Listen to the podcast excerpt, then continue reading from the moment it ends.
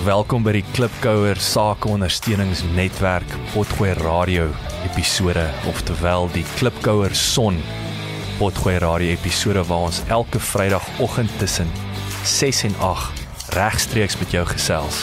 Die program word in 3 afdelings verdeel, naamlik digitale bemarking en tegnologie, regsaspekte van besigheid en finansies.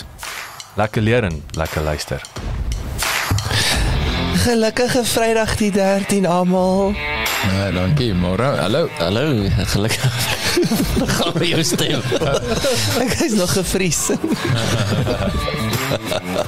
Môre môre Dis klipkouers. nie jou stem wat gevries, ons weet wat het gevries. Dit is daar's 'n klomp dinge is gevries. Dit is soos helium. Helium. Koud is Helium. die water? Dis okay. Dis nie te was dit. Kyk nie. I'm fine. Ja, ek So, so die alternatief vir helium is om jou eiers te vries. Is groot mens helium. ja, goeiemôre klipkouers. Ek hoop julle het uh, almal is lekker wakker en reg vir die nuwe dag. Ek weet ek het vanmôre gesukkel, Karels. Ek het ek het nie lekker geslaap nie en, en ek moet sê daai dit was ekstra koud vanmôre. Ek dink dit is 3 grade my my ysbad. Dit was seer. Dit dit was seer. Maar ek moet vir jou sê ek is so wakker soos soos 'n akker. wel die funny ding van daai koue van jou is toe ek vanoggend ook 'n koue shower vat. Nou kry ek myself so 'n bietjie jammer en nou, nou ek moet altyd maar daai in my kop hierdie trade-off doen. Gaan ek nou koud begin, warm begin, dan koud, net warm. Jy weet, dis dan uiteindelik is die beter opsie, die moeiliker een in my kop. En ek gaan soos okay, nee, ek moet nou vars wees. Ek gaan nou die koue shower aanvat. En en ek hywer so bietjie en ek haal eers bietjie diep asem en goed. En soos wat ek so in dit ingaan, besef ek ja, ek gaan vanoggend in actual Koue word. koue water wees. Hierdie as jou water ewe skielik so warm word soos my stort se koue water, Dan brand ek. Gaan jy brand? ja, gaan jy begin stoom. So ek sê nee, shut up en doen dit net. Learn to love it, nee. Learn to love it. Ja, learn to love it. Yes. Ja, ek het ek het natuurlik. Maar kom ek sê 'n um, shout out vir SLC groep en Shared Services Company. Dankie ouens, dankie dat uh, sonder hulle is hier nie moontlik nie. En uh, ja, ons val nou weer hier so. Ons doen dit ons doen dit anders, maar in elk geval. Kom ons praat verder oor koue. Ehm um, ek het uh, ek het tot nou my my laity Christian in die week toe ek sê vir hom um, Did you take him to the cold Ek ek der ek der hom. Ek sê vir hom dink jy kan 'n minuut in hierdie ding sit. Mm. Wat soek jy as jy 'n minuut in hierdie ding sit? En wat ek wat ek gelike het van die hy dink so, hy dink so. Hy weet nie. Ek sê maar wat soek jy? Maar jy moet 'n minuut in die water sit. Hy sê ek bragging rights sê. Nice. Ja. en hy het klim in en hy het dit gehou. Maar hy het, Ja. yes, hy het 'n minuut, maar die man blaas. Ek het hom afgeneem en hy Ja, wel hoes en hy proes, maar dit was vir hom 'n 'n ongelooflike ondervinding, jy weet. Lekker. Maar ehm um, maar nee, ek moet sê ek, ek ek raak lief vir die ding, maar vanmôre was ek, dit ek dink jou punte het so gelig maar soos Jessie.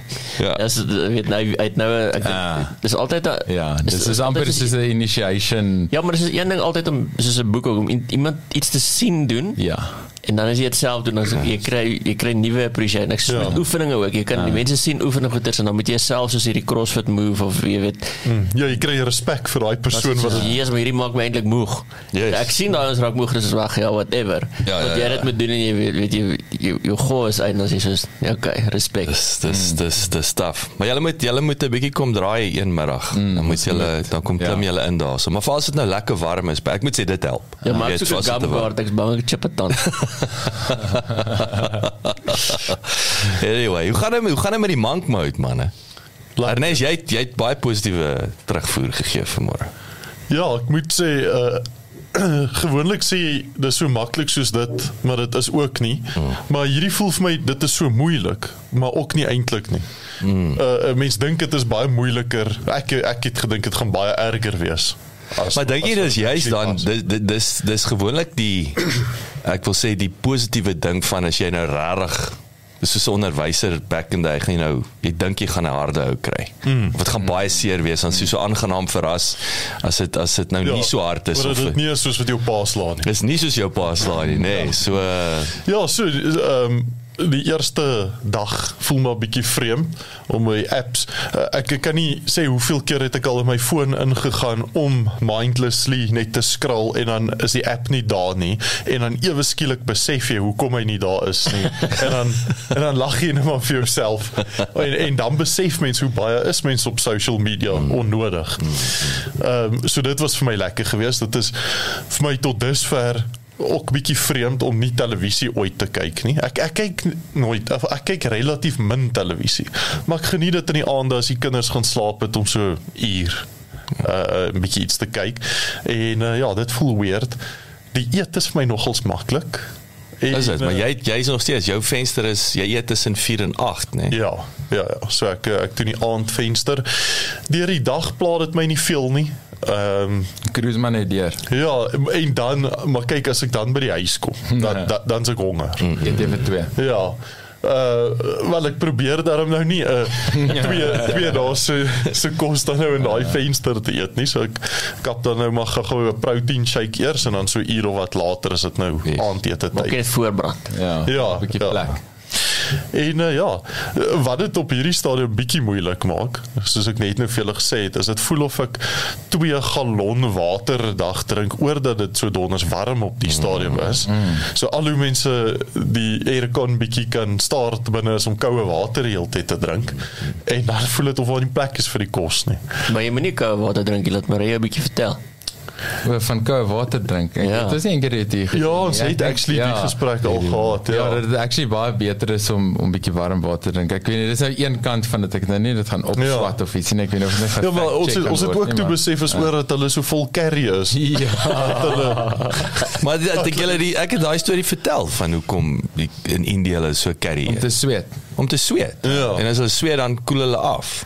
Ja. So dis die action, daar's 'n funksionele rede As ek so vir- baie curry eet, gaan ek ook in daai bad van jou moet gaan sit Yes, om af like, te koel. Dit is In nee, verseker. Ja. Ja. So. Maar ja, verder geniet ek dit. Mm. Lekker. Goed staan. En ek die eerste week dink ek is die moeilikste in elk geval. Jy weet van hier af is dit nie. Ek dink maar ek het ook gesê ek dink as jy verby week 2 kom, as jy in die pyl val. In die flow. Ja, Ja, dan ja. die momentum. Ja, hoe gaan dit met julle? Hoe gaan dit met jou Ja, maar? ek wou eintlik so vir ons so score sheet optrek, so 'n tabelletjie met 'n lysie van goed wat ons onsself vanoggend merk. Dan wil ek nou vra, het jy dit gedoen? Dan gee jouself nou 'n punt. En toe toe ek sien ek nie eintlik kans om my woorde te print op die kantoorprinter nie. Dis ek sê nee. Nee, ek, ek wonder maar net hoe dit gegaan met hom. Volpunte, net volpunte ja. is uh, Yeah, right. ja. Nee, maar ek het dit eh, dit was my nogals uh, dis dis goed gewees om te weet, okay, nou begin dit.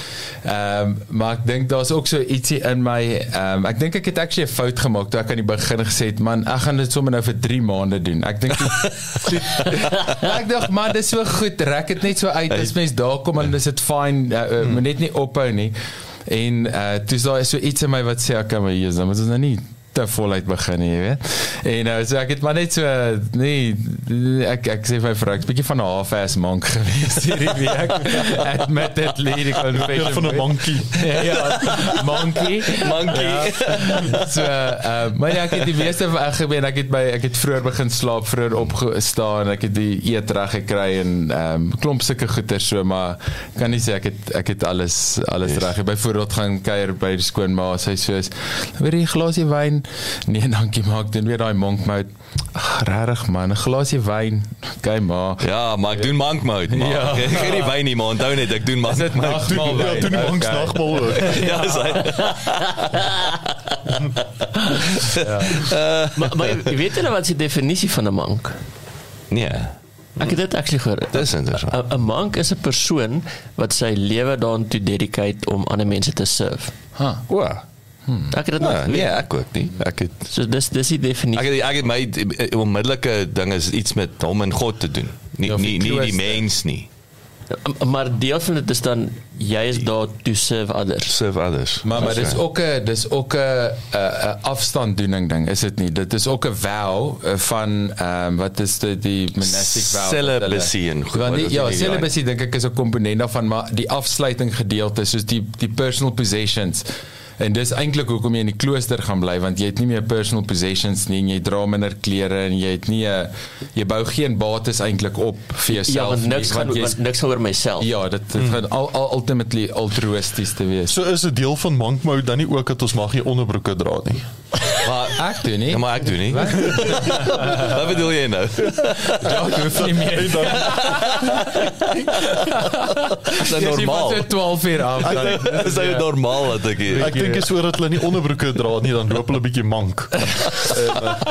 Gaan met jou devil. Ja, dit uh Maar jy het jy het 'n gogga gevang, né? ja, so ek het uh, met 'n goeie detox begin. Alles is geflash. Dis dis dis maar dit is Deep ook seker. Goed, dis seker maar goed vir die begin, weet jy. ja, Royal Flush. Jy start met start met 'n detox. So, so dit is 'n moeiliker begin vir my. Ehm um, so die oefening het bietjie ek het ek het Ja, ek kan nie energie vir dit Ja, ek het nie. So, ek ek het ek het goed weggespring. Ja.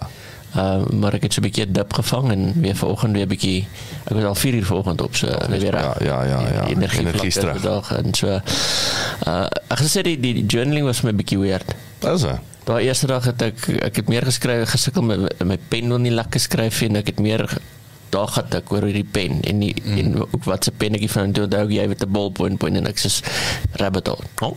Yes. So so ek met daai bietjie inhou maar op die stadium voel die journaling nog vir my bietjie uh, fluffy. Is- ja. So dis amper 'n dis 'n dis daar's baie roes daar. Ja, maar Beating around the bush. Ja, Soos- nee. ek moet ek maar dis dis mindset. My mind mm -hmm. is te besig, nê? En ek en ek wil amper al sê is deel van daai dopamine detox goeie. Ah. Ek het ook myself baie en as ek dis ek is tussen en dan wil ek maak die foon dan was ek maar wat wil jy nou doen? Mm. Ja. Maar Ja. ja. maar jy, jy, jy Ja, ja, kan ja. niks. Jy kan ergens iets gaan kyk nie, jy kan nie status updates kyk nie. So ehm, Saai daai bewustheid. so is daai bewustheid en ek dink as jy mis net weer kom en jou in jou mind raak bietjie stiller en jy Hmm. weet weet dis hoekom ek dink die journaling is 'n goeie ding. Hmm. Dis net so ek sê dit was nou 'n bietjie nog geroes so weet Ja. ja. daai eerste keer spring weg en so maar weet, wat wat nou dis is jy het lanklaas geoefen ook. Daai eerste in die begin het ek weer oefen ook, ek was styf.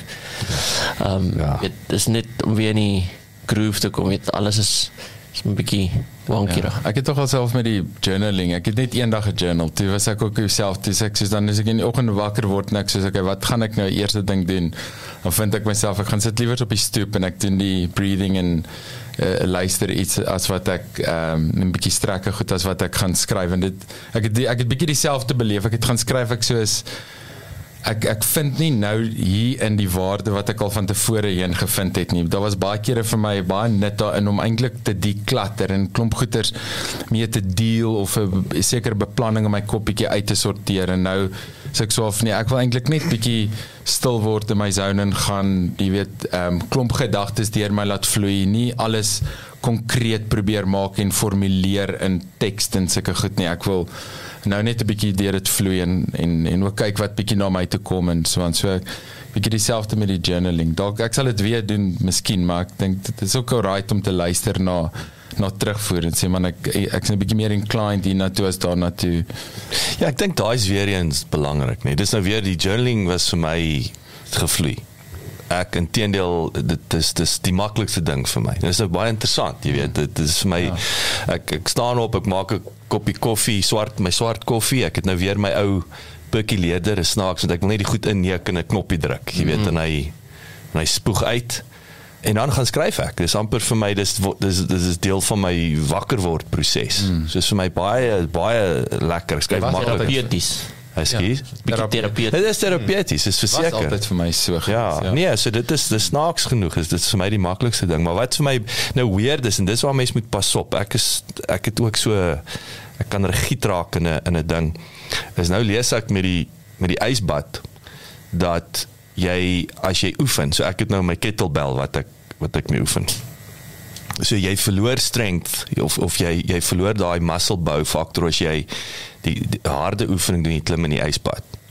So jy moet 'n groot Ek gap dit gesien, Jy ja. moet 'n groot gap tussen die twee laat. Want dit is nie selfs soos uh uh as jy nie dink as jy nou rugby speler is en klim in die ysbad. Ysbad is 10 grade. Dis nie 'n 3 tot 4 grade bad nie. Daar's ysbad is nie ysbad. nie. ysbad is nie ysbad nie. Daai is ja, daai ek sê ysblokkie bad is nie 'n is nie ek wil sê 'n vriesbad nie. Dis nie dieselfde ding nie. Hy het teenoorgestel effek. Daai is recovering, 10 grade, 4 grade begin hy daai performance. Maar dis nou belangrik, nê, dat mense dis dis woordspeling altyd. Ja, ek het ek het 'n ysbad wat jy het 'n ysbad gevat. Ja. Dit is nie dieselfde nie. Yes. Want daai die soos jy sê nou, daai nou by 10 grade doen hy dit. Yes. By 4 grade doen hy iets anders. Yes. Daar's 'n verskil Ja. en, en jy moet nou weet wat is dit wat jy wil doen mm. sodat jy regte setting gebruik. Ja, so jy gaan so dis en en dit is dit is so belangrik soos dit. So ek wil sê daai 6 grade verskil is uh gaan al jou performance actually ontneem, ontdoen mm. Mm. versus om vinniger te recover. Ja. So nou het ek 'n regime waar ek agtergekom het ek doen so vinnig 'n uh, paar burpees om warm te word. Maar dan maak dit makliker om in die water te klim. So dis meer 'n warm proses. ek wil net gevra, kan 'n bietjie antivries vat vir 'n kind? Jy mag nie drink nie. Jy mag nie brandewyn drink maar nie. na maand nou ek. Maar jy dip hulle net. Sê drink uh, ja, kom maar. Wat 'n shot brandewyn. Dit is maklik. Een ding van die van die hele ehm um, rotine wat ek besef het vir my die heel moeilikste is is deel van my oggendroetine heel eerste ding dan probeer ek in daai stilte in te gaan, die meditasie gedeelte waar jy nou choop stil sit, maak oë toe, sit net en en laat alles net gaan en en probeer gedagteloos as moontlik daar te sit. Wat bedoel jy op die toilet sonder 'n boek? ja, dis 'n ander ding. Staar vir die sleutelgat. om uit jou kop uit, om op jou kop uit jou kop uit op die toilet om so met so nog 'n korte iets ja, kleding of iets om te lees. Maar uh, ja, om om stil te sit dan sit ek dan voel dit asof ek nou al gedagte vry vir 10 minute sit. Dan kyk ek op my horlosie en dit 30 sekondes. Ja. So die een ding wat Ja. ek nie kan doen nie is niks. En, Ja. en dit is iets wat nuwe neuro pathways moet moet maak. Dis Yes. hoe ons breine weet nie hoe om niks te doen nie. Maar maar maar jy weet nê, ons ons dink tussen 10 en 45000 gedagtes elke dag. Jou jou brein in sy Ja. subconscious dink dit die hele tyd. Mm. Die die die trick wat ek nog nie kan doen nie. So ek ek gee die boeke kennis het gee. Tipies as ek vir jou sê hoe om die bal te pas is nie dat ek dit kan doen nie. Is dat hulle sê is wanneer jy so dink is gaan dit nie oor om gedagteloos te wees nie. Nee, dat jy kan die gedagte vang en jy kan dink aan die gedagte en dan net met jy met jou breathing kom jy weer terug. Ja. So is om te sê okay, jy gaan ek, maar nie gaan af in die rabbit hole nie. Is mm -mm. right, ek weet. En jy fight hom nie. Jy fight hom nie. Alright, kom ons terug. Yes. Right, jy gaan okay, kom ons terug. Ja.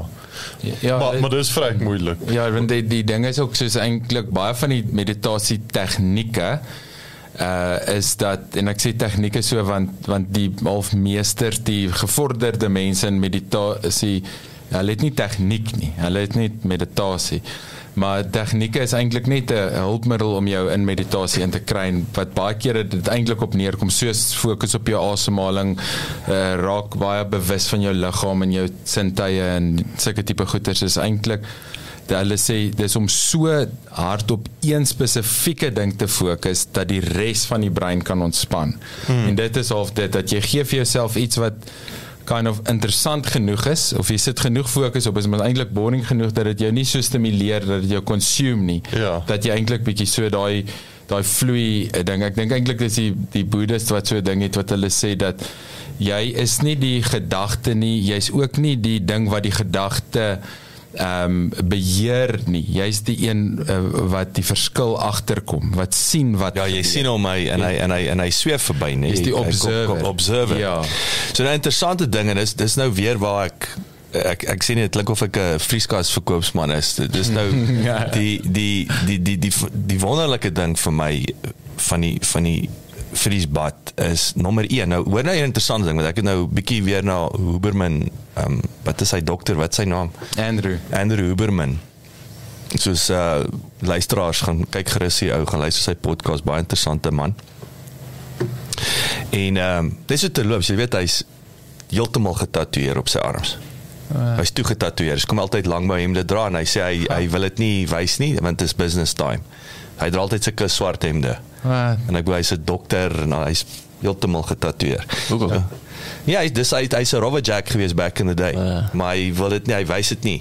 Hy's want hy's mos nou ook akademikus en en praktikus want hy hy oefen ook alles hy practice what what he preaches. Maar hy het nou byvoorbeeld gesê en dis wat ek nou in die in die in die in die vriespad doen is dat nou die die die uitdaging is so dis 4 minute. Nou sit sit jy in die water. Vanmôre was verskriklik verskriklik koud. Ek ek moes net fokus op my asemhaling. Ek kon niks nie, maar die uitdaging, hy sê met omdat jy gewoond raak aan die water, moet jy noem dit uh, breaching the wall. So dis 'n denkbeeldige uh, moet jy dink aan goed, so jy klim oor. Nou wat ek doen, ek kyk vir die muur en begin ek tel. Kyk ek na die verskillende patrone. Hy sê want dis waar jy die ware grit bou. Aan die ander woorde, ten spyte van die pyn kan jy aan ander goeters dink. Mm, die idee is eintlik nie om hier in te kom soos vanmôre mm, kon ek net op my asemhaling fokus.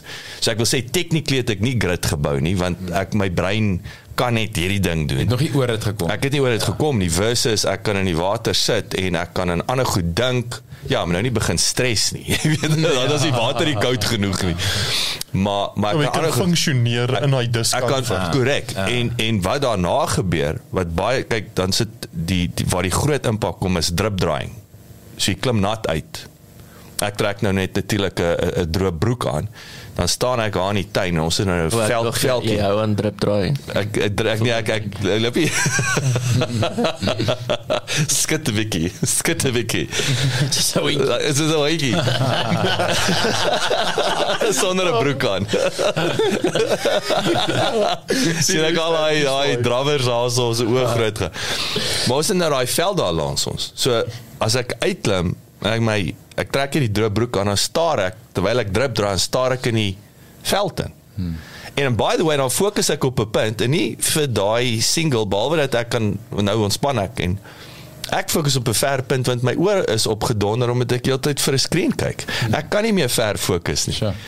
Weet so ek het nou nou die dag ek sukkel om ver te kyk want ons is ons is intedeel ons want ons doen nie ons is die heeltyd hier wat binne 20 cm mm. 10 en 20 en jy sal gaan kyk die ouens dis ou nie sal jy moet 'n bietjie doelbewus op 'n ver punt fokus anders te raak jou oë die lense raak hierso bysiende wat sê wat sê regte woord so ja, so ek het, is daai jy doen die oefening nee dis is omdat daai oog is 'n spier. Ja. So so net 'n hek daar soos om dit te doen en nie net Yes. yes. gaan sê okay ek moet kort nou bril nie want dis wat Absoluut. dis wat hulle sê. Ja, absoluut. Nie noodwendig nie. Yes. Ja, jy kyk oefen oefen die oefen die spier. spier net weer, ja. Ja.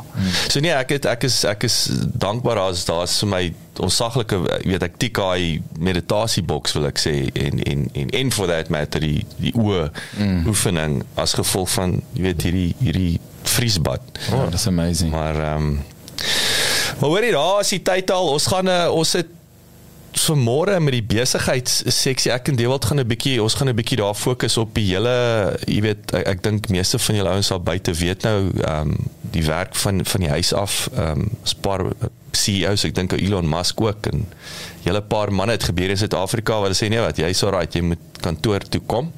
Jy sal Ehm um, so ons gaan 'n bietjie so 10 minute daaroor gesels. Dit is 'n intro, maar ons bring later vanmôre vir Ferdi Hassenberg. Hy's 'n hy's 'n 'n 'n menslike hulpbron spesialis. Dan gaan ons 'n bietjie weet uit die expert se mond hoor wat uh, wat's die pros en die cons wil ek sê en dan natuurlik daar seker implikasies en lyk my daar's 'n paar kontroversiële verrassingkies. Uh, en ek sien uit om om daarna te luister, maar ons is nou terug.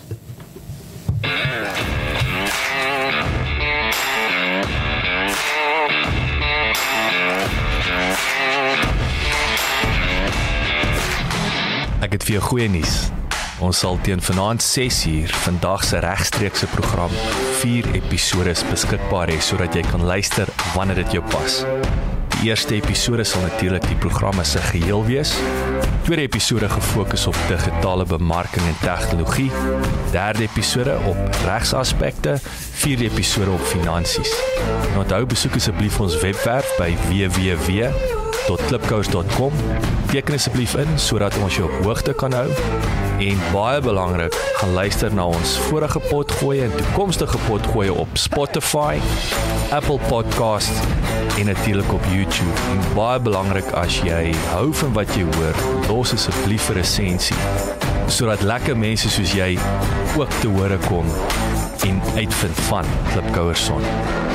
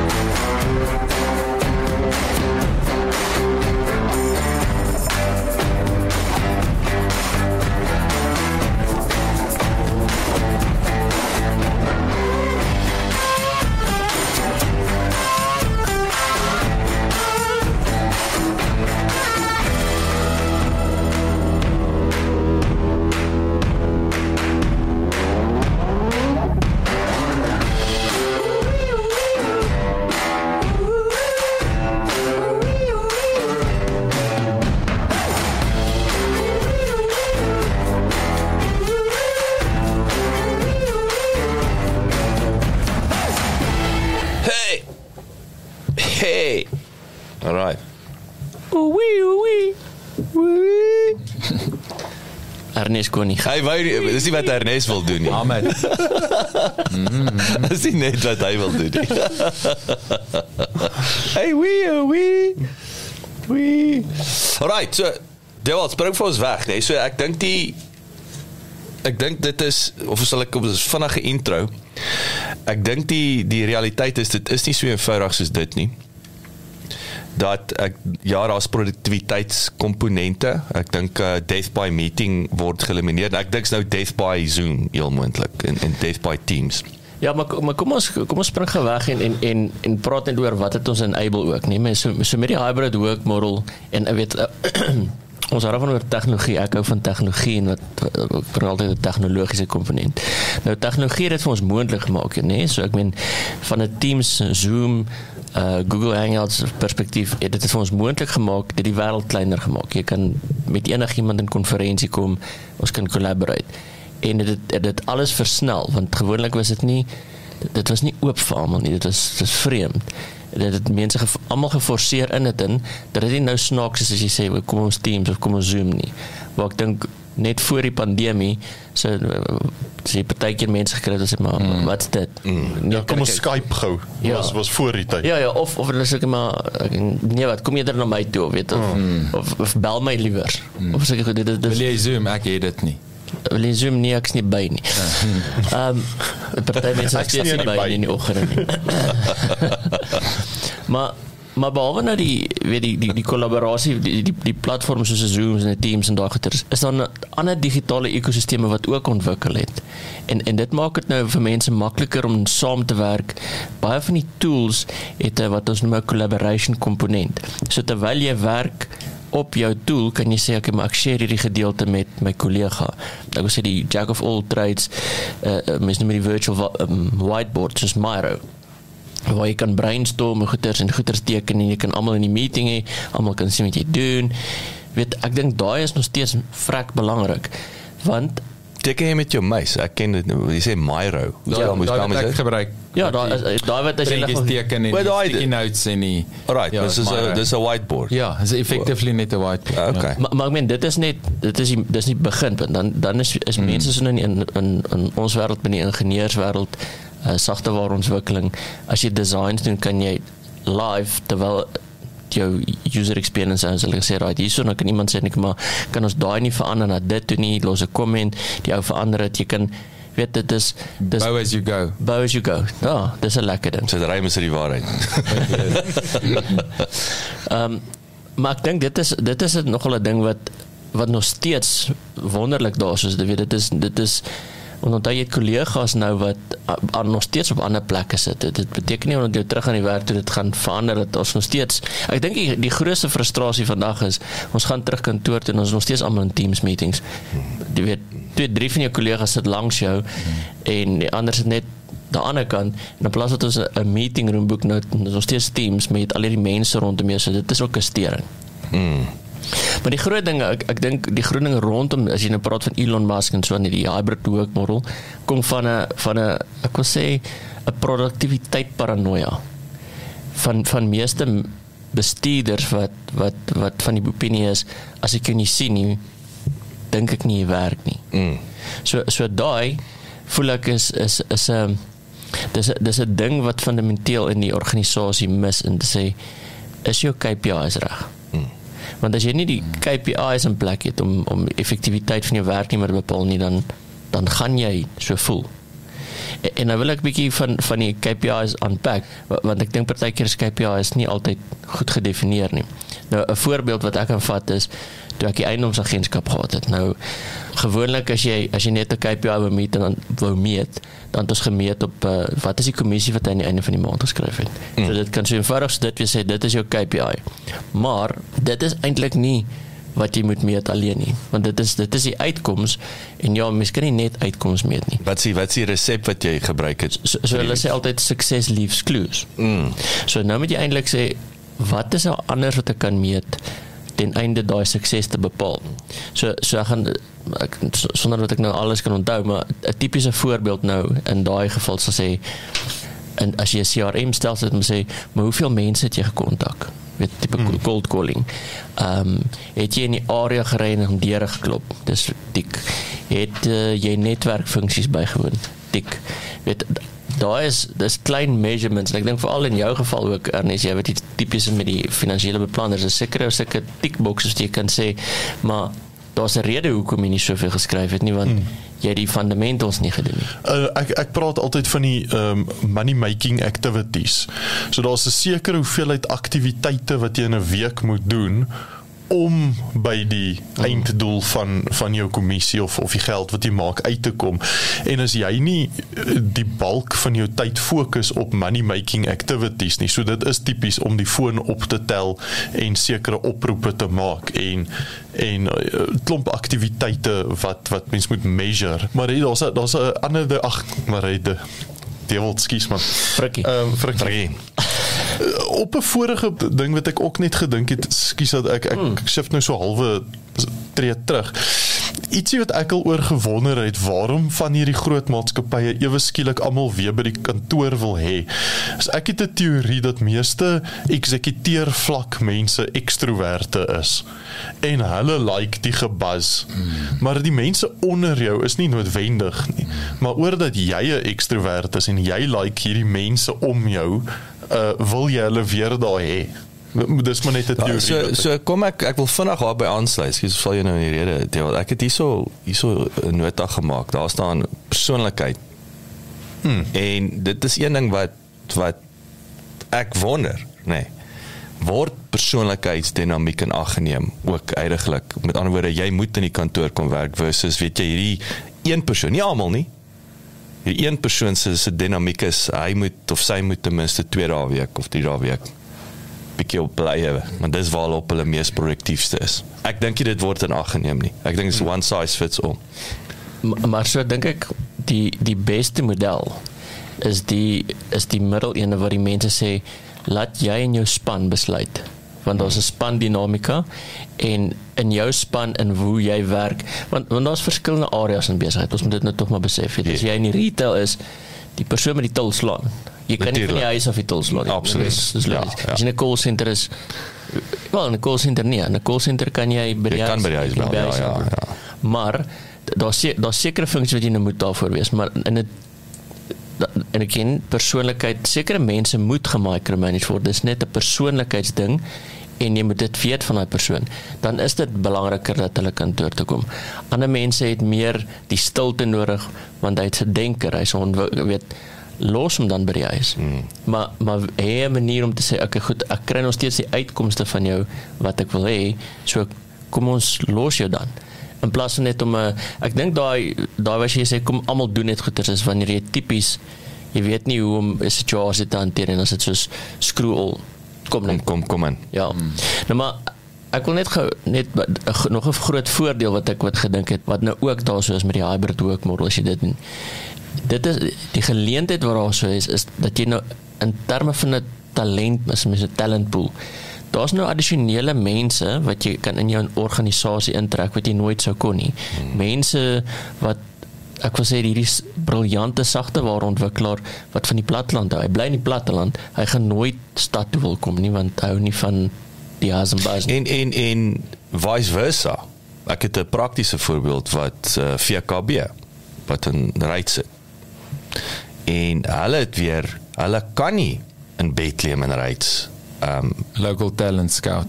Korrek. Veral nie wanneer dit by uh, ICT of of ingenieurs kom nie. Nou het hulle kry die ou enige plek in die land. Daar waar ever hy is hmm. en hy werk vir hulle en hulle aanvaar weet maar back in the day nee jy moet Ryds toe trek of Bethlehem toe trek om daarso as jy die werk wil. Ja, want ons kan ons kan dieselfde dinamika vat wanneer jy kom ons kyk nou in daai geval jy het, jy het 'n getroude paartjie en twee professionele persone. Jy gaan nooit dat die een nou met die man trek rides toe maar die vrou het 'n goeie finansiële posisie daar ja, ja. en en sy wil in die kantoor hierso wees dalk wat groot moeilikheid oor die jare of en, en of nou, geleentheid huishoudelike inkomste is geaffekteer so, so nou nou mis jy uit op daai goeie geleentheid wel nie goeie die persoon nie maar die die werkgewer mis hmm. uit op daai goeie persoon wat hulle kan wat wat hulle besigheid die volgende vlak toe kan vat. Ja. Want daar is daai dinamika. Hmm. dis nie so maklik net van trek op jou wortels en en, en Ja. skuif nie weet daar gewoonlik het mense dit gedoen vir baie groot uh, finansiële ding maar jy kan nie so groot finansiële ding as jy twee professionele mense het nie Hmm. en ek dink vroeër jare waar net die man die uh, broodwinner was was dit 'n eenvoudige ding man die man skei waar die werk is en die hele familie skei So so ek sien ek sou sê as ek jou ter opsomming ek, ek hoor twee goed wat vir my uitspring en dis iets wat ons met Ferdi kan jy weet uit uitpak. Is nommer 1 is die talentpool. is om nie kortsigtig te wees nie. Dit dit gee jou geleentheid om in 'n sekere talent wat nie fisies daar benodig word nie. So dit hang af van die tipe industrie tipe posisie. En nommer 2 is daai ek wil terugkom wat wat die die regte triekie ding is is om te verstaan die persoonlikheidsdinamieke van jou mense. Soos waar gaan daai persoon optimaal funksioneer. Mm. En dan wil ek sê derde is soos jy sê regtelik laat die span besluit. Nie wat is weer eens as dit daai span verband wat is die dinamika daarso? Wat wat gaan hulle meer produktief en suksesvol maak op 'n event? Ja, want jy's nie alleen nie. Ek, Ja. As deel van die span dinamika deliver jy as 'n span. Mm. Nie net die individueel nie, wer, werk dit vir almal saam. Ja. Wa- Want nou wat nou snaaks is, dit help nie ons kom almal werk toe want ons kom op verskillende dae ook en nou sit ek by die werk en team is met my team. Ja, dis absurd. Mm. Maar nou my tikkie boksie. Ek was Ek was by die ek werk. by die werk gewees. Ja, so, so ja, die die die dis wat 'n partytjie voel ons gemis is daai as jy dit gaan sê almal moet werk toe kom partytjie van nou nou ons is nog steeds met ons bad habits waar dit lekker werk en hulle praat altyd van die uh die coffee talk of die weet die Watercooler, watercooler, ja. of wat dis daai op die op die whiteboards maar maar snaaks genoeg ek sien nie daai dinamika wel in my geval en ek sien sien ek nie dat daai dinamika regtig noodwendig is nie want ons ons teams nog steeds Mm. want ek loop nie oor na die ander gebou toe wat ek wel ons vir amper 'n kilo ver nee, is nie so ver nie. Is 'n paar honderd En meter. dan sit klomp restaurante. dis is en daar's nie waterkoelers nie. Ja, maar maar dis net dis ek, ek dink mense het te gemaklik geraak waar ehm um, baie keer weet vir my waar ek nie ek ek, ek sien juist die geleentheid om te wil 'n gebou te gaan bietjie die die stappie in te kry, jy weet jou steps in te kry, die wat se maar ander mense is, is gemaksigtig, is nie is nou makliker om met 'n teams meeting te call. Maar is ook lekker as jy by jou eie workstation sit. Want dit beteken ook mens kan dadelik goed, okay, mens kan jou laptop na 'n meeting toe vat en daar sit en goeters, maar ek vind dit baie kere nogals intrusive om met 'n oop laptop in 'n meeting te sit want nou nou werk ek en die die vraag in ander mense kop en ek sê dit maar want ek dink dit as ek oorkant iemand sit dan sê ek soos ek sien jy tik ek sien jy beweeg jy muis is jy hier maak jy notes of be, doen jy e-mails jy weet mm. en ehm um, okay mense kan nog steeds disrespekvol wees en nie luister nie oor oor teams nie ek kan nie sien nie maar ek vind dit baie keer nuttig om sien maar notas te maak of om iets te kan check ons praat oor iets ek maak die dokumente oop ek gaan bietjie deur dit maak my notas na die tyd is ek direk reg om dit te implementeer so Uh, Ja, maar daai daai daai is maklik. Weet ek dink dis waar die fisies ding kom. Ja. Ek kan sien of jy engage. Ek kan sien maak jy Ja. 'n nota of as jy uh, as jy op 'n ander pad emails, ja. Want want hoe ek dit gaan sien is is jy gaan dan op my punte vra vra mm. want dan weet ek jy het notas neem. Mm. As ek jou, as ek net jou kyk en vra jou vraag en jy daai Ja, Sê- sê gou weer. vraag? Ja. Ja, sê gou weer. Ekskuus ek het nie gehoor deel van nie. jou Ja. vraag gemis, die vraagdeel. Ja ja, maar dis nou nie. Ekskuus my koneksie was nie lekker nie. So, ja, jou jy's nie. Ja, jou brein was nie connected nie, ja. Nee maar toe ons sal uh, ons ons ons tackle vir Ferdi as hy as hy inpop nou nou. Ehm um, ons gaan 'n uh, gou musiekie luister. Dit gaan dieselfde as verlede week wees, maar so raai dankie Lydia Winchester. Shout out vir jou. Ons gee vir die dag ek gaan al hierdie songs nog in daai supermark sit. En uh, hierdie is môre sal die son weer skyn. Karl Sebastian, lekker luister, ons is nou terug. Baie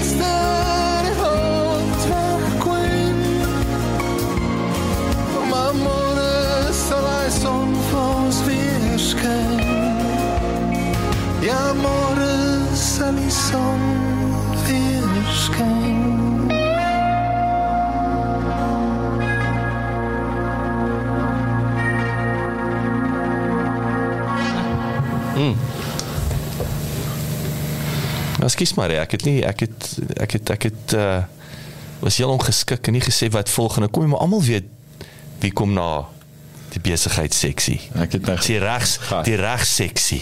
Hmm. Seksie reg. Ja, so okay, goed. Ons ehm um, 'n bietjie praat oor good governance, né? So ou. Wat dink jy nou alweer aan Ernest? ja, so die uh, die woord het al hier so opgekom, 'n goeie regeerkunde is die mooi Afrikaans daarvoor. Wat wat sit in Engels? Governance. O, governance, Ja. regeerkunde. Ja, ja, dit dit maak Dit is nie Afrikaans, dis nie die mooi Dis Afrikaans. nie mooi nie. Ek ek ek, ek voel ook nie dis die beste woord daar buite nie, maar ek het dit nou maar Ek, gehoor maar ek het net dadelik gedink ons het nie kundiges in die regering nie, maar seker nie dit nie. nee. Regeerkunde, onkunde, regeer onkunde. So ehm um, uh, ons is nou besig met so 'n tenderproses waar ons vir so uh, as deel van 'n hele konsultasiespan vir 'n groot staatsorgaan die organisasie het uh 87 beleidsdokumente en proseduredokumente en hulle wil nou 'n uh, 'n 12 maande projek loods om hierdie ding al hulle dokumente te belyn. Okay, met hulle mandaat in terme van hulle delegation of authority in die constitution en die wetgewing en good practice en sulke goed. En ehm um, nou nou is dit nogal 'n 'n challenge waar begin 'n mens? Hoe sit mense hierdie ding aan mekaar? Watse mense kry mens almal in die span en wie doen wat? Hoe benader mense dit is ehm um, ek dink iets soos omtrent elke derde dag moet mense 'n nuwe policy uitpomp wat gerefresh is en dit Ja. moet juis als en, en, en gaan nie so wees dit nie maar dis nou die die average. Okay, maar so uh, ek wil 'n bietjie praat oor wat is eintlik governance en, en net so 'n oorhoofse wie daarvan gee en verduidelik waar pas dit eintlik in in die hele konsep van 'n organisasie so Ehm um, organisasie bestaan tipies weens 'n een of ander vorm van 'n mandaat. Dit is 'n instruksie om iets uit te voer. 'n Doel vir bestaan. So uh, maar die doel van elke organisasie is nie altyd duidelik nie. Dit is baie dikwels onseker en daar's ook klomp verskillende perspektiewe op die doel van 'n organisasie.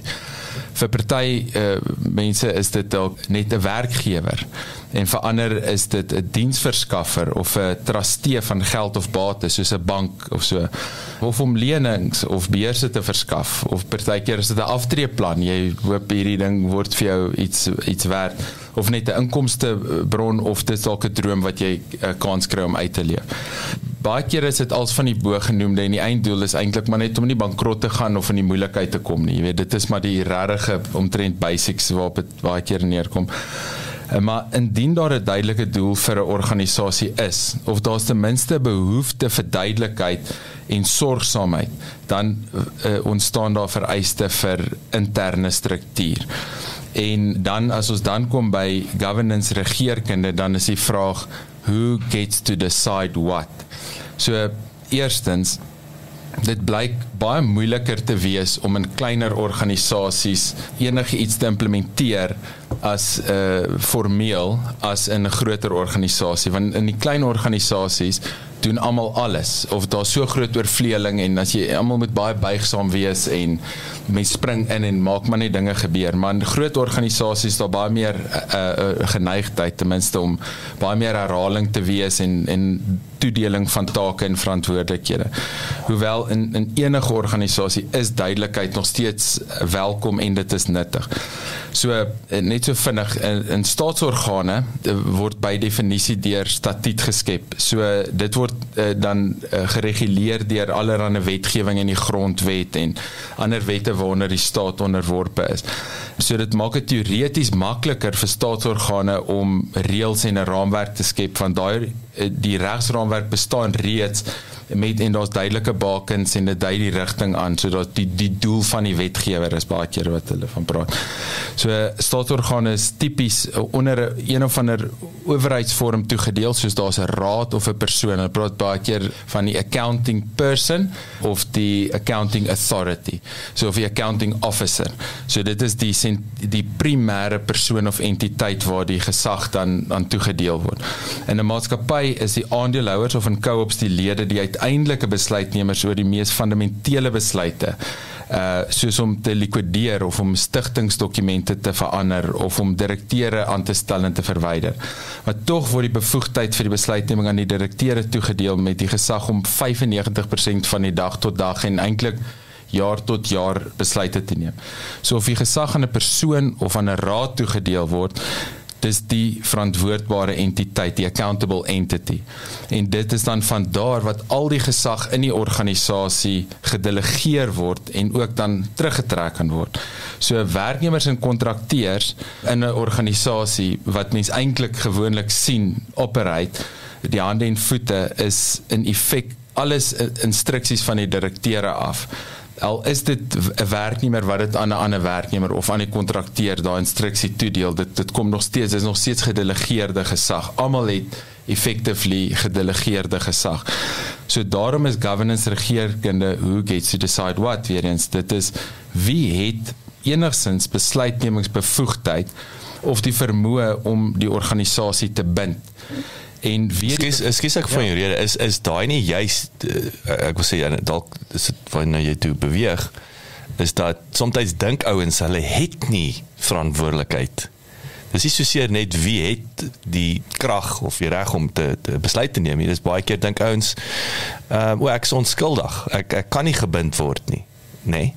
so daar's 'n naïwiteitskomponent Mm. Wat net, o, ek het nie geweet nie. Nee, jy's 'n direkteur of wat by default is jy die ou wat wat die maak saak wat die ander ouens ooreengekom het nie.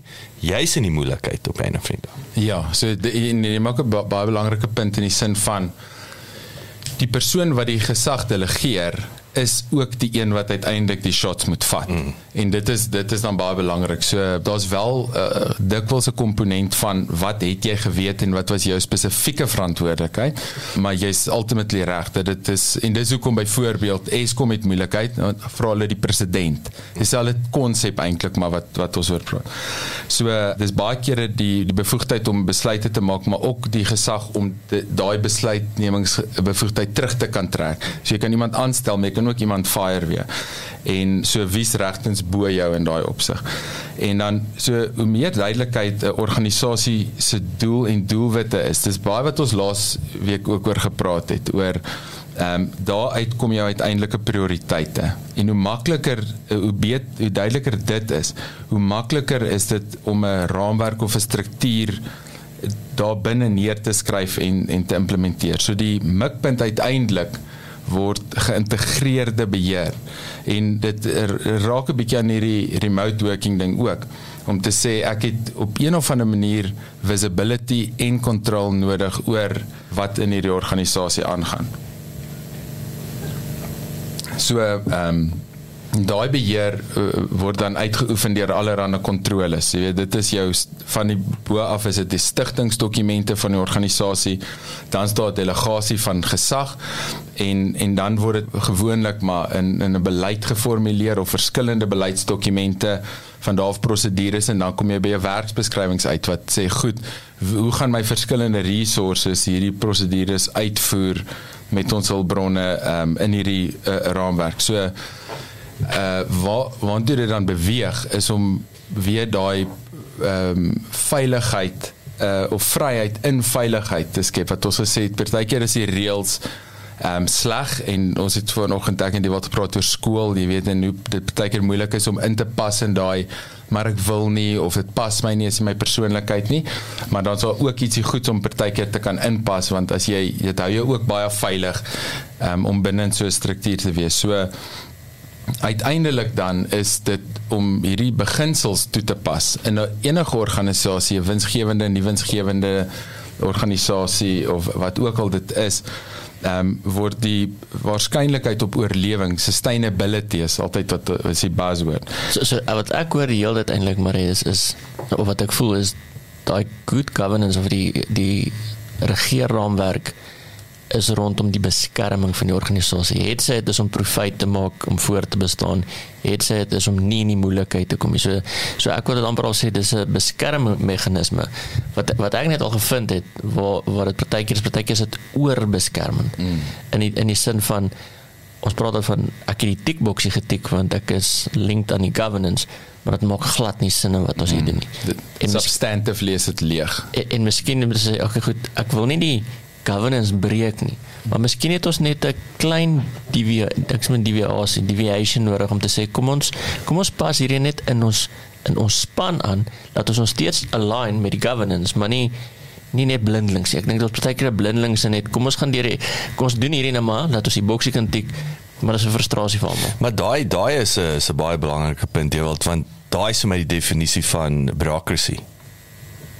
As jy begin goed doen, om 'n boksie te tik, maar dit dit maak alles stadiger. Besluitneming is stadiger. Die, maar, maar dis gewoonlik wat in die weet wat nie. So jy so so dit so dit is ek wil sê wat is ons weet wat die definisie van bureaucracy is, maar dit voel vir my is dit dan die potensiële root cause van bureaucracy. Ek dink julle julle raak in 'n baie baie baie belangrike punt want dit is 'n uh, bureaucratic downfall is uiteindelik 'n uh, ook iets wat die oorlewing van 'n organisasie kan heeltemal bind of nie kan kan uh, demolish ja. heeltemal tot niet laat gaan. En ehm um, ja, so dit gaan daar uiteindelik daaroor ehm um, een van die beginsels wat ek dink oor die jare uh, verander het was dat dit was altyd hierdie klem van the best interest of the organization, the best interest of the company and the best interest of shareholders. En soos in die King Code of Good Governance het hulle die fokus begin uh, skuif na stakeholders.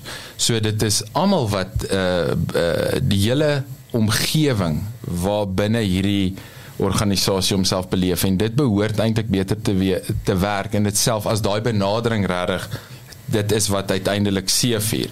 Ehm um, die spesifieke punt wat jy van praat ehm um, is ook 'n ding wat hulle in die reg praat van substantive of formative ehm um, compliance. Jy weet dat wat doen jy tik jy die boks of kom jy die regte doel van hierdie ding na leef jy dit uit?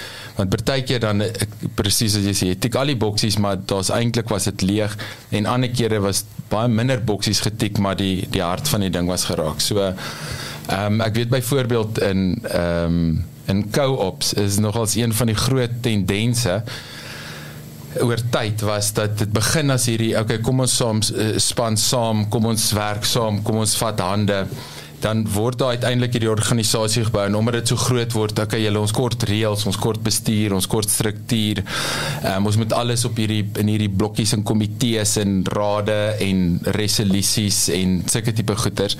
En dan uiteindelik word die die kou op 'n groot corporate en word so groot het so baie geld dat daar dat dit 'n bank kan word en dit en sy eie versekerings en uh, finansiering en baie baie volop in Engeland nê nee?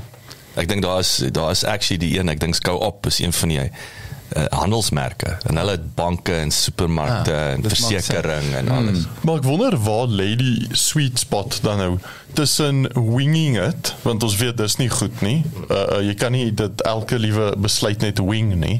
Maar te veel uh boksies wat getik moet word al die entrepreneur mm. en die kreatiwiteit mm. uit ons uit mm. en iewers moet daar 'n sweet spot wees want want uh, daar's so sê ding it's going to be clear So so dit is goed vir jou werknemers dat daar boksies is wat getik moet word. Dit gee sekerheid soos ons vroeër genoem het. Maar ons moet ook daai spasie vir kreatiwiteit nie doodmaak nie. Ja, want anders voel jy ingeboks. Hmm. Ja, en hulle wen daar's in die boksie. Daar's dit don't be wat getik word. Don't be a box. Dis dit is ook jy weet daar's daar's aan die een kant is daar die vryheid van die entrepreneur wat nie nou hulle sê altyd die ehm um, fighter pilot wil nie die logboek na die tyd invul nie. Dis nie sy ding nie. Hy wil gaan, jy weet, Tom Cruise wees met sy bike kry wat was so. en uh, dat uh, dit is wat jy hierdie vers, verskillende uh, soorte profile en goed. So ehm um, dat soos wat 'n organisasie bietjie groei of soos wat 'n net 'n besigheid, 'n enterprise, 'n startup begin 'n besigheid word en hy bietjie meer ehm um, size eintlik wat hierdie complexities inbring dan ehm um, is dit ook 'n ding wat hulle praat van founder syndrome is dat is waar 'n besigheid daai transition moet maak want hy kan nie meer jy kan nie meer met 10 osse waar se dag oor hierdie riete oor die rivier gaan nie. Dit was hmm. okay toe ons net die een oorgevat het. En nou nou forceer dit en dit is 'n transition. Dit is soos 'n metamorfose wat jy moet deurgaan en sê okay goed. Ek het dit tot op hierdie moeilike punt gebring wat ek nie sou kon doen as ek vir almal moes sê wat ek gaan doen en hoe ek dit gaan doen nie. Maar as dit nou van hier af help dit nou nie ek probeer teen dieselfde eh, pas in dieselfde rigting alleen en ek fluit net elke nou en dan en sê hier's ek kom. Jy weet en hy moenie dit nie moenie dat nie en jy weet om alles net daar ja, net die verskillende fluitte maar hoe weet jy nie wat hierdie fluit nie wat is 'n nuwe is 'n nuwe ou?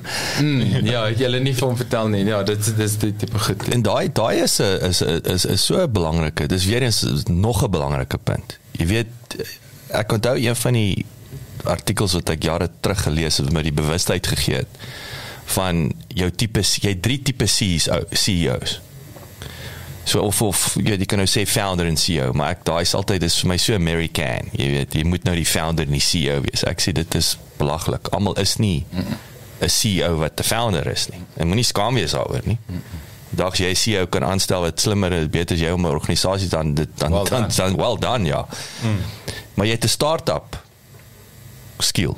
Mm. Jy het 'n scale skill. Mm. En dan jy 'n notering skill ek sê weer so om 'n ja. besigheid te startups te dryf is 'n sekere skill set om om next level te vat dit is 'n sekere skill set om om te gaan noteer op die JSE is 'n ander skill set ja dis is 'n skakie opening middle game end game. Ja. heeltemal en, en ek dink daai is daai mis ouens. Die ou dink wat die founder is. En ek kom met ek moet sê ek begin dit agterkom. Dit het my lank gevat dat ek kom agter ek het ek het startup skills. Maar ek begin agterkom hoe, hoe val die wiele af die oomblik wat ek nee ek het nie daai ek sê dit nou ja ek ek ek erns moet ek meer ek kort breinkrag om om na die next level en dit kom terug na prosedures, sisteme, hmm. nee, dissiplines. Hmm. En ek sien daai ou nie. Ek's daai Hmm. ek so 'n bietjie die cowboy met die masjiengeweer. Ja, en dalk is die beter ding om weet te sê okay, wat's my volgende mission en hoe kan ek hierdie ding uh, laat oorerf nou vir iemand wat sê goed, hierso is die basics, bel my as jy iets kort hier's wat hierso gebeur. Jy weet, ja. hier's wat ek nog moet doen, maar ek kort nou iemand om En, en eh, Quentin, ek was gister by by Quentin en hy hy het 'n hy het weer ons 'n klem gelê op jy moet jou besigheid nou kan verkoop. Dis actually die asset test, ongeag die grootte. Anders ek dink julle is daar asset, online. soos 'n asset en asset, né? Asset asset, asset and asset. Ja, Ja. asset uh, dubbel ja.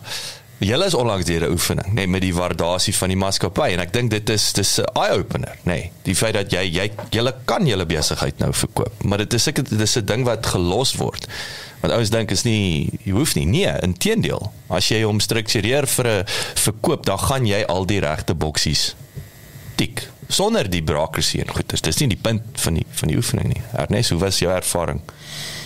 Ja, ja, mens dis nou waar die- winging it nie gaan werk nie. Jy kan nie jy kan nie goeders wing, dan is jou besigheid nie sellable nie, hmm. want jy is die persoon wat die besluit op die spot elke keer moet moet neem. Hmm. En Maar uh, jy is die main wingman in sy office en Ja, maar jy ek wil vir jou finansiële state kan great lyk like, of jou bankrekening, maar dan mm. sê hulle okay, goed, hoe doen jy dit? Hoe doen jy dit? O nee, wat ek gewoonlik doen is, wat ek gewoonlik doen is mm. en dan is en dan okay, maar waar is hierdie? Waar kry ons daai? Waar Susan is nie hier nie, ek weet ja, nie. Ek ek het hierdie neergeskryf, daai is in my e-mails hierdie ja. dan dit soos hoorie ek ek koop 'n dad.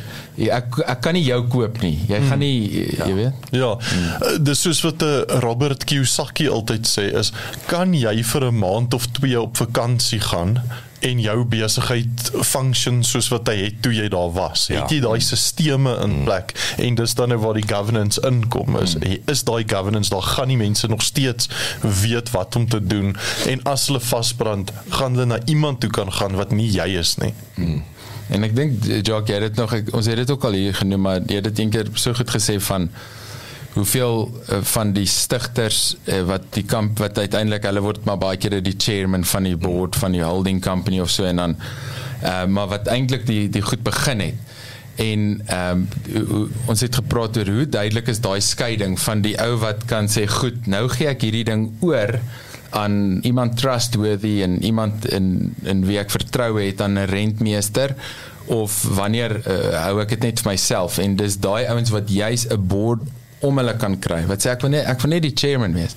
Ek wil net julle bestuur en julle gaan en as ons nou ter, terugdink aan hierdie ding van die gedelegeerde gesag. En die chairman het nie eers die soms 'n casting vote as daar taai is. Maar dis nie eintlik 'n is nie 'n veto reg wat die chairman sommer hou nie. Dit is iemand wat hulle self onderwerp aan die persone wie hulle om hulle stel. En ehm um, en dis maar dikwels die geval want jy uiteindelik gee dit weer oor aan 'n werknemer en jy sal 'n kontrakteer aan 'n goed so. Ehm um, dit is 'n ek dink dit is 'n level van maturity en 'n level van wisdom and insight. En, le en letting go. Dit Yes. jy moet jy moet die wisdom en insight hê om te let go. Mm. en weet waar om te begin. Ek weet hierdie goeters dit help veel. Jy luister hierdie praatjie en jy soos ja nee, ek kort dit. Soos nog steeds gaan die vraag kom, waar begin jy? En dit is nie eenvoudig nie, maar ek dink dit is dis oukei okay om te weet dit is die antwoord. Hoe jy daar gaan kom, go figure it out, mm. call somebody, jy weet maar. Ja, bel ehm, bel bel vir maar hey, die die Ja. hele ding is maar en ek en ek ek wil dis baie van pas en ek sê weer ons het hierdie die deal met SLC wat mm. wat nommer 7 ingekoop het nou. Wat exactly hierdie tipe. Dit dit is ja. presies ek en hy sê vir my dit is dis so eenvoudig maar dit is so gekompliseerd. Mm. As jy nie weet waar om te begin, watter skroefie om te gaan draai Ja. en ja, wat om te vat en te los en sulke goeters en jy kan dit maklik 'n baie futile soos die die joke is op konsultante hmm. wat uh, inkom van buite af met die clipboard en die quotes en die presentations en jy weet al hierdie 5 punt planne en die moves en die strategy en sulke goed en dan word dit net so 'n leverage val daar op die rak. Mm. Maar dit is nie altyd die geval gelukkig nie, want daar's baie mense wat wat luister. Ek, ek moet sê dis ietsie wat ek ehm um, van Ernest baie uh, opgetel het van dat ons ontmoet het is is die die vlak van teachability wat ek in jou sien Ernest is vir my baie baie striking. Ek het al 'n paar keer opgetel dat jy jy sien iets raak en jou adoption rate van daai is 'n goeie tip ek gaan dit explore. Ek het dit al 'n paar keer van jou gesien en ek moet sê ek dink dit dit dit dit sign vir my soos 'n level as dit ek dink as dit of die army was dan sou dit 'n tipe badge gewys het op jou arm jy weet van jy jy moes al sekere goeder reg gekry het of jy jy, jy kry erkenning vir dit jy weet. Dit is nogals amazing well done daar's mm. daar's daai wisdom and maturity. Well done ja ja kyk hoe bloos ek nou. Ek sien ek sien. Ag ek kry dit warm. Ons gaan 'n ons gaan 'n breek vat ons gaan 'n musiekie dankie Marie daai's daai's baie baie dis verskriklik onseksie maar krities. Hmm. Dis krities wat jy nou hierso gesê het en intedeel my oë het weer en weer eens oop gegaan. Ek's 'n bietjie met julle nog deel ook wat oor rekenmeesters is interessante gesprek wat ons gister gehad. Anyway, hier's 'n liedjie ons gaan breek van ons is terug met uh met wyse en uh mature Ernest. van Boerfin. Uh hier's RNK op die lang pad nou terug.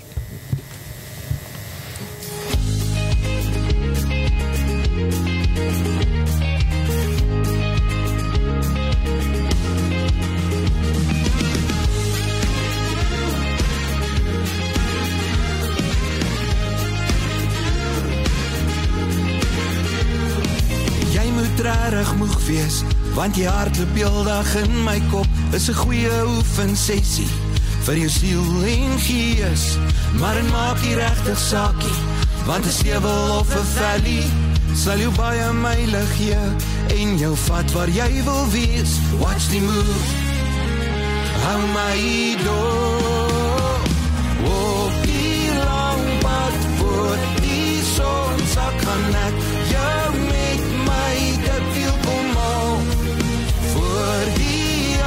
draai kom ek jou oplaai jy kan sê waar jy jy wil gaan. Ons kan piknik gou by die rivier of lekker vry in jou pa se skuur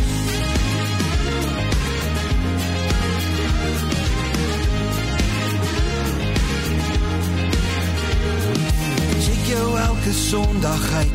Hoe lang gaan jy nog besluit? Ek se langtermyn belegging wat jou alles sal gee. Gee dan net 'n bietjie tyd. Drink jou tee, eet jou beskuit. Voor jou koppie koud is, gaan ek die eerste tree gee. Watch the move.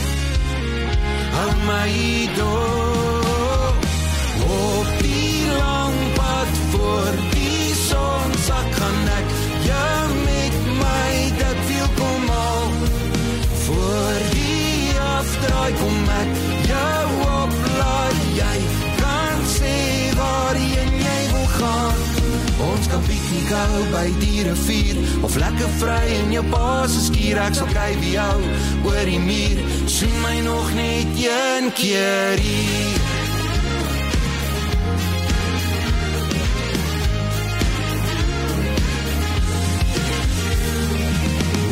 Die lang pad voor die son sak gaan ek jou met my dat wil kom al.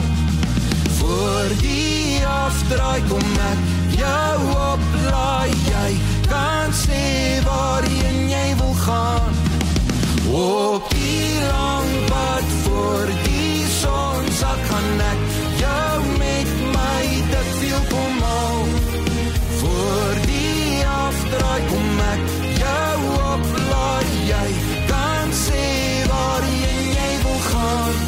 Ons kan piknik hou by die rivier of lekker vry in jou pa se skuur ek sal kyk wie jou oor die muur soen my nog net een keer hier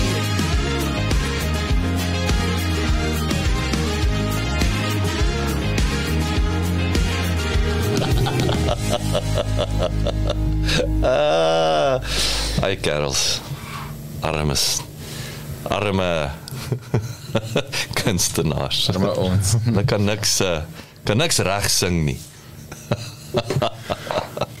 Ernest. Goeie na jou. Goeiemôre. Hoe is hy oor na jou? Oor na my. Oor. Ja, oor. Twee, twee, twee. Ek gehoor, ek gehoor wat ek al gedoen het. Twee, oor na. Twee oortjies en mondjie. Meer luister. In elk geval ehm um, so laasweek het ons bietjie gepraat oor om 'n aftreeplan te hê. Ehm um, daai aftreeplan het niks te, uit te waai gehad met met beleggings nie. Maar ek sal net nou weer net bietjie daar vinnig recap voor ons in vandag se topik ingaan. Vandag se topik is om jouself emosioneel gereed te kry vir aftrede. Ehm um, ek dink dit is 'n deel wat baie ehm um, min aandag kry in die finansiële wêreld of in die aftreebesluite. Ehm um, maar voor dit wil ek net gou-gou vinnig vir julle vertel van hierdie drie ooms. Is drie ou oomies, Afgetrede oomies. afgetrede oomies, Okay. 80 plussers. En hulle sit daarso op die stoep van huis vir Lepte Lelie.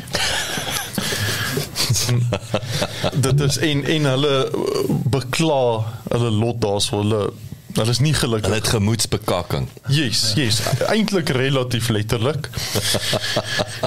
Die eerste oomie begin te moan. En hy sê: "Kerels, as ek net weer een pie soos in die ou dae kon gehad het." Yes, dit is nou knyp en druk en hier brand dit en daar en dit het vir vier druppels. As ek net weer soos in die ou dae En kon dit hou net aan druk. Ja. Ja, tot my drup op Ek het nou net aan daai groot mens doeke gedink. Toe net hoor jy dit sê. Ja, maar jy was so ouer ons word hoe meer van jou pie bly in jou broek hoor. Ja, ja. Hy drup op sy lekkerste net na hom teruggesit het. Die die Sorry, van die punt af. Ja. van die tweede oom sê, "Yes man.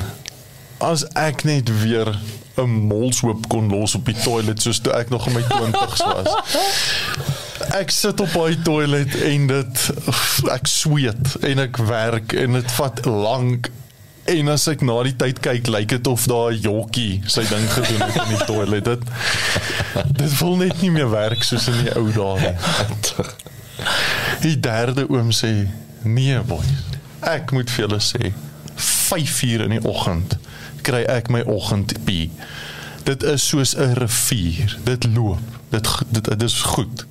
Hy sê 6 uur in die oggend. Dan kry ek my nommer 2. Nie te hard nie, nie te sag nie. Lag lag 3 kg. Geen probleem. Relevant kwaliteit. Hulle sê nou maar waaroor kla jy dan? Hy sê want ek word gewoonlik eers 7 uur wakker.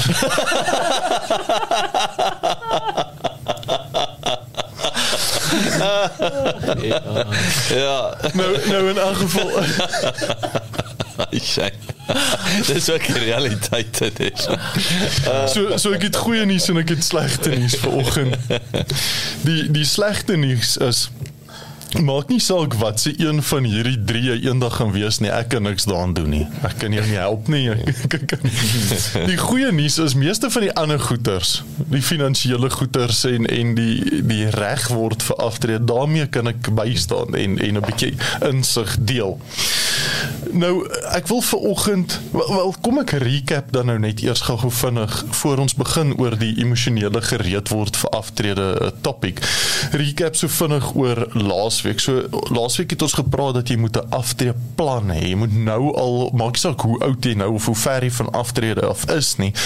Jy moet begin te dink hoe lyk aftrede tree af op 55 of op 70 is jy moet ten minste al 'n prentjie. Daai prentjie gaan baie verander, maar jy moet al iets hê om na toe te werk. Wat se lewenstyl beoog jy om te hê? Want as jy 'n lewenstyl wil hê waar jy permanent die wêreld gaan toer, wat die ideale lewenstyl is om om te hê na aftrede, dan moet jy nou al na jou liggaam begin te kyk mm. dat jy in goeie shape is teen die tyd wat jy aftree, dat jy daai lang vliegtuigritte kan kan uh, mee cope, ja. Ehm um, jy moet dan ook nou al begin te spaar of ten minste planne, beleggingsplanne hê om daai tipe lewenstyl te kan hê. So mens moet vroeg daai besluite al neem. En dan het ons ook gepraat oor mens moet begin te dink wat se bates eiers wil jy in belê? Wat se uh, gaan se met die goue eiers wil jy nou al koop? Is dit eiendom? Is dit anniteite? Uh goud? Wat se tipe bates wil jy belê? Nou vandag praat ons soos ek sê bietjie meer oor die emosionele kant van sake tussen die ore, soos wat Jacques vir my oor gegee het hierdie kant toe. Praat ons oor wat moet jy tussen jou ore regkry? Die die sewe goeders wat ek voel jy tussen jou ore moet regkry voor jy aftrede kan betree. Nou weer eens hierdie sewe goeders is nie sewe punte wat jy doen die dag na jy afgetree het nie.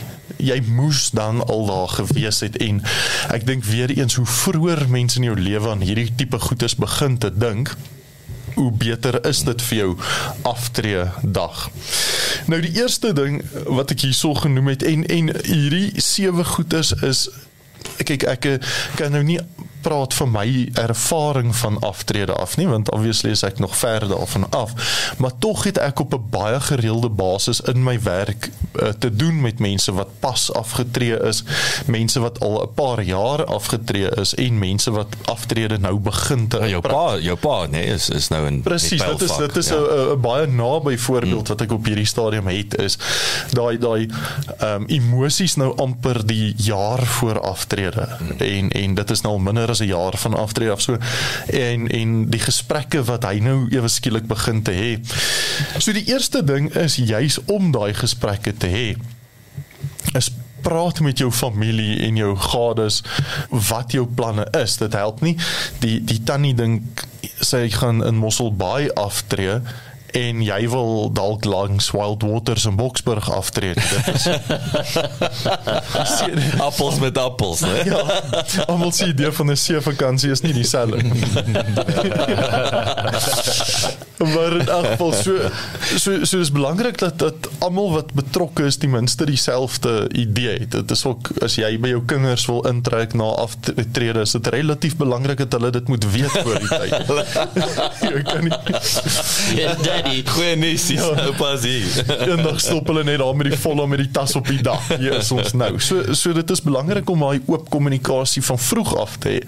Ehm um, ek meen ek en my vrou kan nou al begin 'n idee te skep waar wil ons aftree en dan kan mens potensieel nou al kyk vir eiendom sou mens wou in daai area want jy jy kan lank voor die tyd hierdie goeders en as dit nie so uitwerk nie dan moet jy net seker maak die deal wat jy gekry het is goed genoeg dat jy nie spyt as jy het om gekoop nie is nog steeds dan 'n belegging Ja, sy moet nie emosionele besluit maak nie. Yes. Praat nie juist oor emosies so sê ja, dis wat ek wil hê en ek ek investeer in my toekoms, maar ek doen dit met 'n met 'n berekening.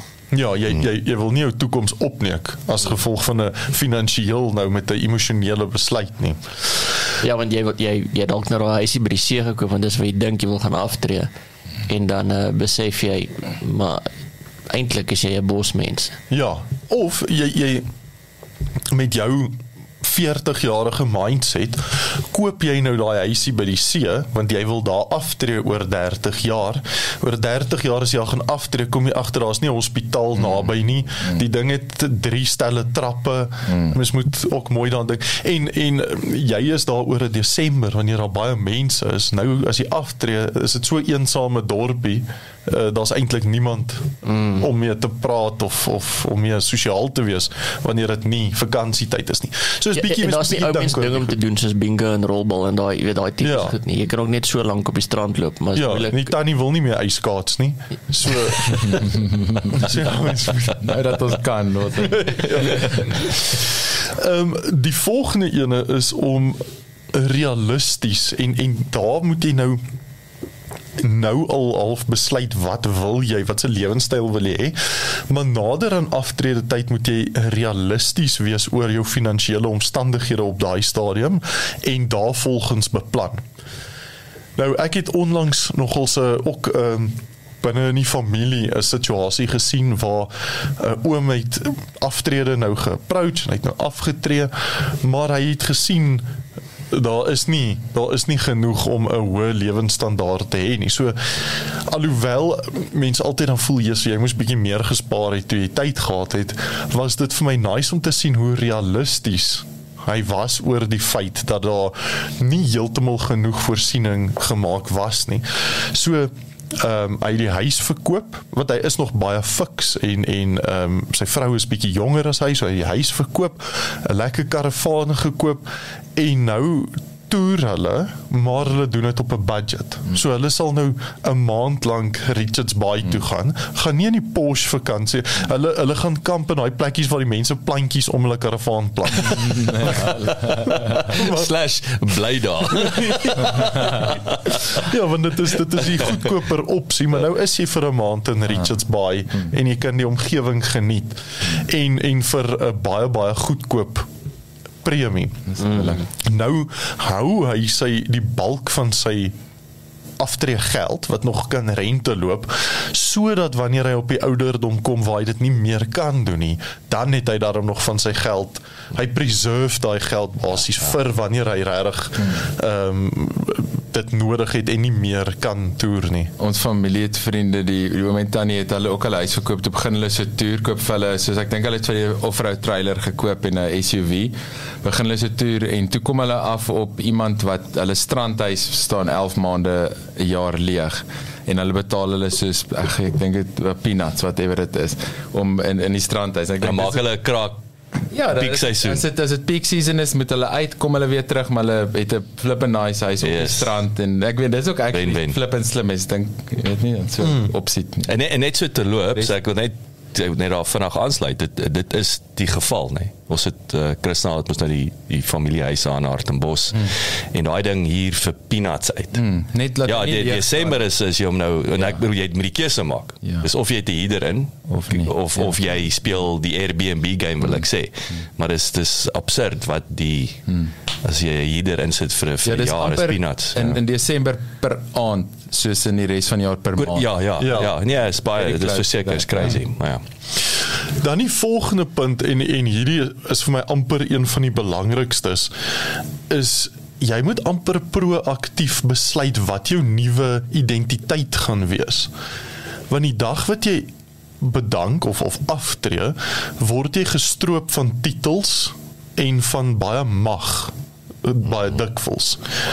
En 'n groot deel van jou uh, identiteit is rondom jou werk en jou posisie wat jy het. Jy's 'n has-been. Ja, jy's nou jy's nou 'n has-been. Jy kan altyd aanhou vir mense vertel ek was altyd die uitvoerende direkteur fester dit ja, al daai ja. van die cupcake stalletjie by die boere maar of wat ook maar, maar ewe skielik het jy nou nie meer jy is nou my gerus meneer. Ja, jy's nou net nog 'n pensionaris. En nou moet jy 'n nuwe identiteit vir jouself skep. Wat se pensionaris is jy? Is jy die oom wat altyd in sy draftekkies is en fiks bly of is jy nou die persoon wat op die stoep sit en moan en moan hmm. en en uh, 'n nuisance amper vir baie mense is. So dit moet jy proaktief besluit wat waar sien jy jouself en wat se identiteit wil jy inneem? Ja, ek sien altyd daai is in die tekkies gebruik jy die suurstof tot jou voordeel of is jy 'n suurstofdief? Hmm. Yes. Mm. Ja. Mm. Presies. Mm. En en dit kom actually pas mooi in by my volgende punt. Ek dink jy kyk hierso op my laptop. hou op. Hou op. op afkyk. Die volgende ene is jy kort altyd 'n rede.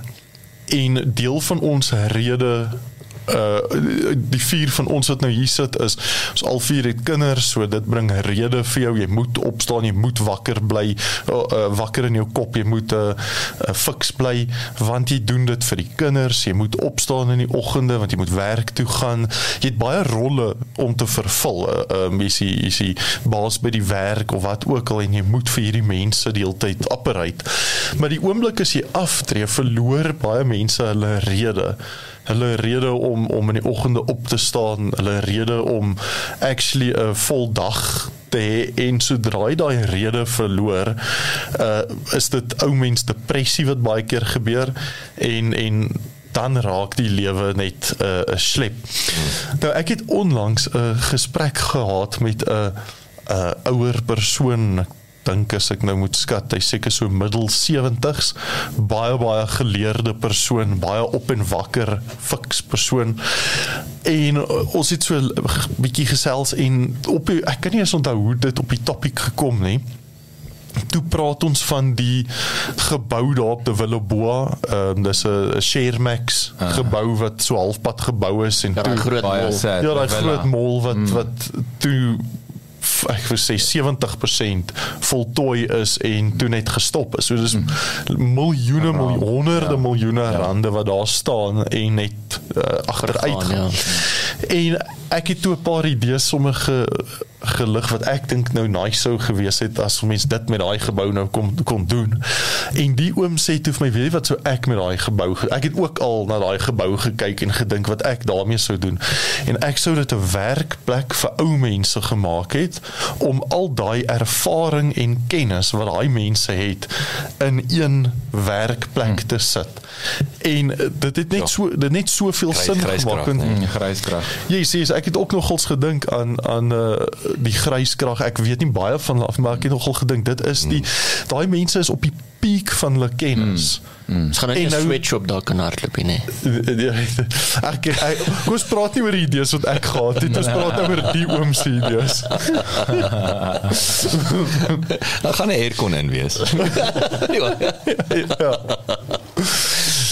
In 'n geval so die die punt wat ek wil maak is deel jou kennis. As jy in aftrede in is en en veral as jy in 'n halfe spesialis posisie was of 'n of 'n posisie waar jy baie kennis gee 'n bietjie terug vir die mense. Jy kan nog baie beteken vir ons land en vir die produktiwiteit van van ons besighede. Ehm um, so so dit is dan nou punt nommer 4 gewees is jy kort rede en en jou kennis te deel is altyd 'n lekker rede om op te staan en 'n gelukkige laaste kwart van jou lewe te hê. Mm. Ek weet dit is 'n bietjie cheesy, maar soos dryf, die woord dryf kan mos wees of jy dryf vorentoe of jy dryf net in die water. Yes. Bietjie soos dit. Ja, nee. ja, moenie moenie net 'n flouter wees nie. Yes. Ja.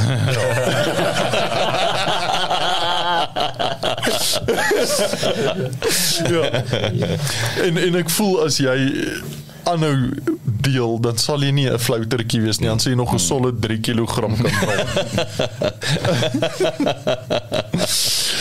dan my my vyfde punt van die sewe punte is om nog steeds doelwitte te hê. In in ons samelewing word jy van ek ek wou nou sê jou hele werkslewe, maar eintlik jou hele lewe tot en met aftrede toe het jy die hele tyd doelwitte. Wanneer jy op skool is, is daar doelwitte vir wat die punte wat jy wil hê, die sportspan waarna jy wil speel. Ehm um, daar's altyd doelwitte. As jy klaar is met skool, as jy die die sakewêreld ingaan, daar's altyd doelwitte en ons hele lewe word gedryf deur hierdie doelwitte. En die slegste ding wat jy kan doen is as jy die dag besluit om af te tree, is om nie meer doelwitte te hê nie. Ja, ek dink dat dadelik in daai derde oomie sy doelwit is om vroeg op te staan. ja, ja, om sy wekker te stel. Hy het 'n sales incentive. Daar's daar's dis nou as jy 'n doelwit het en jy moet mos nou daai ehm um, feedback loop hê van van weet daar's nou achievement. Hy gaan dit dadelik eh, weet dadelik. Daar's 'n onmiddellike wen. ja, ja. So So, was. uh, maar obviously wat is tipe doelwitte sal iemand hê? Ek wil nou net sê jy nou sit jy met 'n blank canvas. Ja. Jy kan nou jou doelwitte gaan uitdink. Eerstens gaan jy finansiële doelwitte moet stel. As ek hierdie jaar 'n ek soveel uit geld kan spaar, dan kan ek volgende jaar vir die kinders want dis nou die uh, nuwe ding is die kinders is meeste van die tyd nie meer in die land nie. Dan kan ek volgende jaar Kanada toe gaan om vir die kinders te gaan kuier. My doelwit vir die volgende jaar is om al 9 provinsies te gaan besoek of 10 nuwe klein dorpies wat ek nog nooit in was nie te gaan besoek. Dit kan klein doelwitte wees. Is as jy be betrokke is by 'n organisasie, kan jou doelwitte in daai organisasie wees of Ek wil net daar ek wil net daar by aansluit. Jy praat nou van daai ek, ek het 'n praktiese voorbeeld in die eh, dat ek my neef verlede jaar gesels het my my oom Jan wat oorlede is. En een van die foute wat hy gemaak het, so hy het vroeg al gaan aftree. Hy's 'n suksesvolle entrepreneur en hy's vroeg in 90 al hard in bos toe. Nou, en hy het begin paniekie raak dink ek 20 jaar later wat hy sy hy het gedink sy geld gaan uithardloop. Jy weet, want hy het, ek dink hy's op 86 oorlede. Mm. Maar Jan sê wat hy nie gedoen het nie. Hy het nooit gegaan en met adviseur gepraat wat net die geld 'n bietjie kon rondskuif. Mm. En hy kon beter so maklik soos dit. Mm. Net die geld skuif, beter uh, rentekoerse, Opbrengs, stretch hy, stretch hy geld bietjie met 'n ekstra 15 jaar. Hy sê dit en dis wat na die tyd sy pa dood is, hy sê yes, hy hy het graag gekom, hy dink hy het gestres geraak. En toe hy nou die ding sien en hy sien die geld en hy sê en daar sy ma, sy leef soos 'n koning, toe hy die geld uit 'n bietjie Rondskuif. rondskuif en sy het nie die geld uit oorleef nie. Yes. Jy weet maar omdat jy nou nie met die experts gaan praat. Ek het ek het 'n soort gelyke storie onlangs gehoor en dit was by 'n baie baie goeie adviseur wat ek en Maree baie goed ken. En hy het die storie ook vertel van ehm, 'n um, ou oom en die tannie wat ook bang was om uit geld uit te hardloop en die oom het 'n paar goedes van die tannie nie regtig sy het niks nie. So as hy doodgaan, dan moet hy seker maak dat sy kan leef en hy was ook in daai paniek gewees en toe het hy nou hierdie spesifieke adviseur gaan sien en net oordat hulle alles uh, bespreek het, alles in plek gesit het, het, ja. geanalyseer het tot in die diepste vlak in in verskillende scenario's en presies ja, tyd, scenario's afgespeel en, en, en in elke liewe scenario het hy survive met sy geld. En toe imagine die verligting wat hy nou het om te sien, herder, maar nou kan ons actually bietjie gaan toer. Ek dink dis wat hulle toe nou gedoen het Ja, ook. toe kon hulle op vakansie. Dis soos daai Shoprite advertensie waar jy by die til kom en jy kan terughardloop vir die toy. O ja ja, want dit nou bietjie meer Ah, geld of, ja. of dit was goedkoper as wat ek gedink het. In elk geval so so dit is ehm um, dan nou my 5de punt gewees is is om doelwitte te stel nog steeds. Mag ek net daar aanvul ek ek wil net of aanmoedig. Ek dink dit is 'n baie goeie plek in jou lewe om juis ook bietjie anders oor doelwitte te dink. Ek meen mense ek dink mense is materialisties gedryf tot op daai punt want jy wil hierdie ek is okay, ons is okay gevoel hê. Maar dis dalk ook juis die tyd van die lewe om te transition. Ek het gesien toe my ma uh, terminaal siek was, het uh, en met ander mense ook wat hierdie selfde gaan is de, hulle raak baie meer inwardly focused. Uh, want dit die die die dood is voor die deur en dit ek ek is nie morbied nie. Ek dit is 'n mm. feit en die die statistiek Dan kyk jy op my notas. okay. En, ja, dat, dat jou doelwitte moet omvattend wees. Ek dink dit is tyd vir om by familie uit te kom waar jy dalk jare te besig was, vriende met wie jy kontak verloor het, maak kontak met hulle en ehm um, geestelik, jy weet, maak seker jy het regtig vrede in jou hart en dat dit is iets waarmee jy behoorlik kan deel en Dit la- laat my dink oor oor vergifnis wat Jacques vir ons gestuur het. So jy kan al die mense gaan kry dat hulle jou weet. Vergeef. Almal kan uiteindelik jammer sê. Ja. Ja. Ek wil alles vergewe. Ek wil man. Ja, sê vir my Jammer by jou, sê vir my Ja, jammer. sê vir my jammer. Ek ek wil jou vergewe, sê vir my jammer.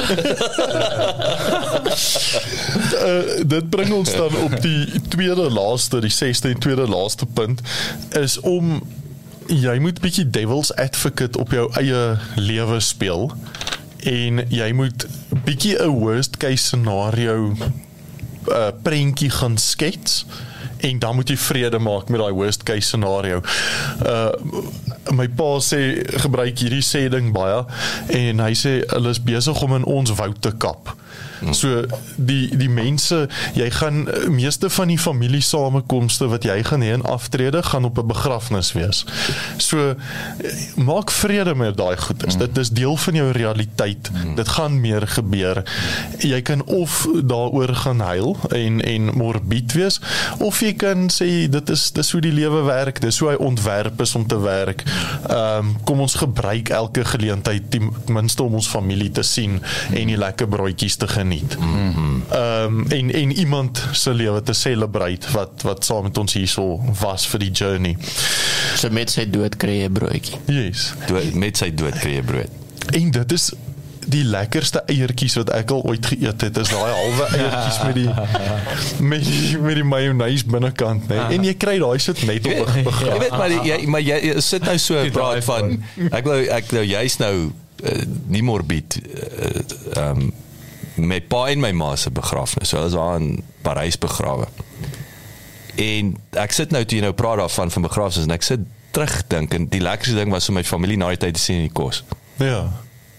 Ja, ja, dit is dis dis dis is, is hierdie uh, lekker, wel, Maar maar is dalk 'n nou lekker hartseer Weet- uh, gedagte. besigheidsgeleentheid vir enige begrafnisondernemer weet dit dit- troue is so goed so hoe lekker jy geker hoe lekker jy geëet jy onthou dit So die begrafnis moet ook eintlik wees hoe lekker is gekeer, lekker geëet. So maak seker die Mm. catering is lekker. Ja. En ek dink vir daai oomblik wat dit so lekker maak met die familie is almal is half in tune op daai stadium. Almal is daar vir dieselfde rede. Daar's nie verskille. Almal 'n bietjie perspektief. Ja, nee, en- so 'n bietjie vroomlik is almal terug na realiteit toe. almal oor almal om op ja, daai ja. stadium. Dit is dit is 'n dit bring mense bymekaar. Mm. En en dit is hoe mense dit moet sien as jy in aftrede is. Dit bring mense bymekaar. Dit gaan gebeur met mense naby aan jou gebeur. Jy moet daai worst case na goedjies na gaan kyk, vrede daarmee maak. 'n Ander voorbeeld is natuurlik jy kan in die middel van jou aftrede kan jy jou aftrede tot op die sent beplan het en daar kom 'n COVID scenario en die mark val en jou geldjies word heelwat minder. Ja, vir die inflasie wat ons sien. Ja, dit sulke goeders kan gebeur. Jy moet besluit hoe gaan ek so setback hanteer? Uh hopelik is jou geld belê in aftrede op 'n plek waar suits dit nie te veel sal affekteer nie, maar maak vrede met daai worst case scenario yes. en gaan aan. So dan het ek besluit die die sewende en die laaste punt vir vir die mindset reg kry en hierdie is die heel belangrikste een en ek het hom doelbewus heel laaste gesit is hê 'n positiewe mindset. Hê 'n positiewe uitkyk op die lewe anders gaan daai 'n lang aftrede wees. Ek dink party mense wat so negatief is wanneer hulle klaar afgetree is, hulle word gestraf, hulle word baie oud. Mm.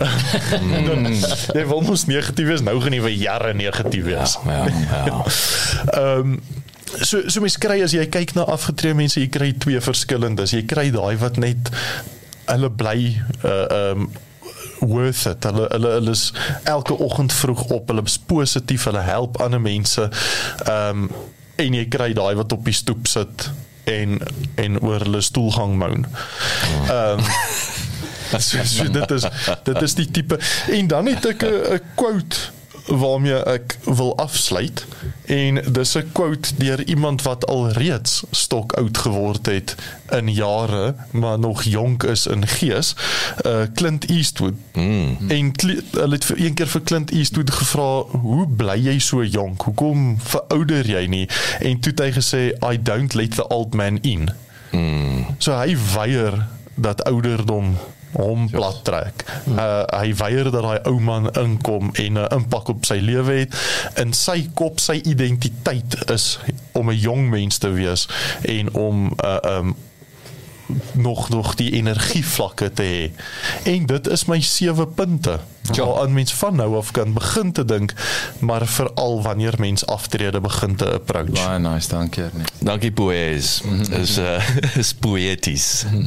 Dan vanaand 'n breek vat dan ons uh, ons gas hierso in die ateljee Ferry Hartzenberg gaan ons 'n bietjie gaan ons terug na daai lekker werksdinge. Ons nou terug. Ek het vir jou goeie nuus. Ons sal teen vanaand 6uur vandag se regstreekse program 4 episode beskikbaar hê sodat jy kan luister wanneer dit jou pas. Die eerste episode sal natuurlik die programme se geheel wees. Tweede episode gefokus op digitale bemarking en tegnologie. Derde episode op regsaspekte, vierde episode op finansies. En onthou besoek asseblief ons webwerf by www.klipkous.com. Teken asseblief in sodat ons jou op hoogte kan hou. En baie belangrik, gaan luister na ons vorige potgoeie en toekomstige potgoeie op Spotify, Apple Podcasts en natuurlik op YouTube. En baie belangrik as jy hou van wat jy hoor, los asseblief 'n resensie sodat lekker mense soos jy ook te hore kom en uitvind van Klipkouer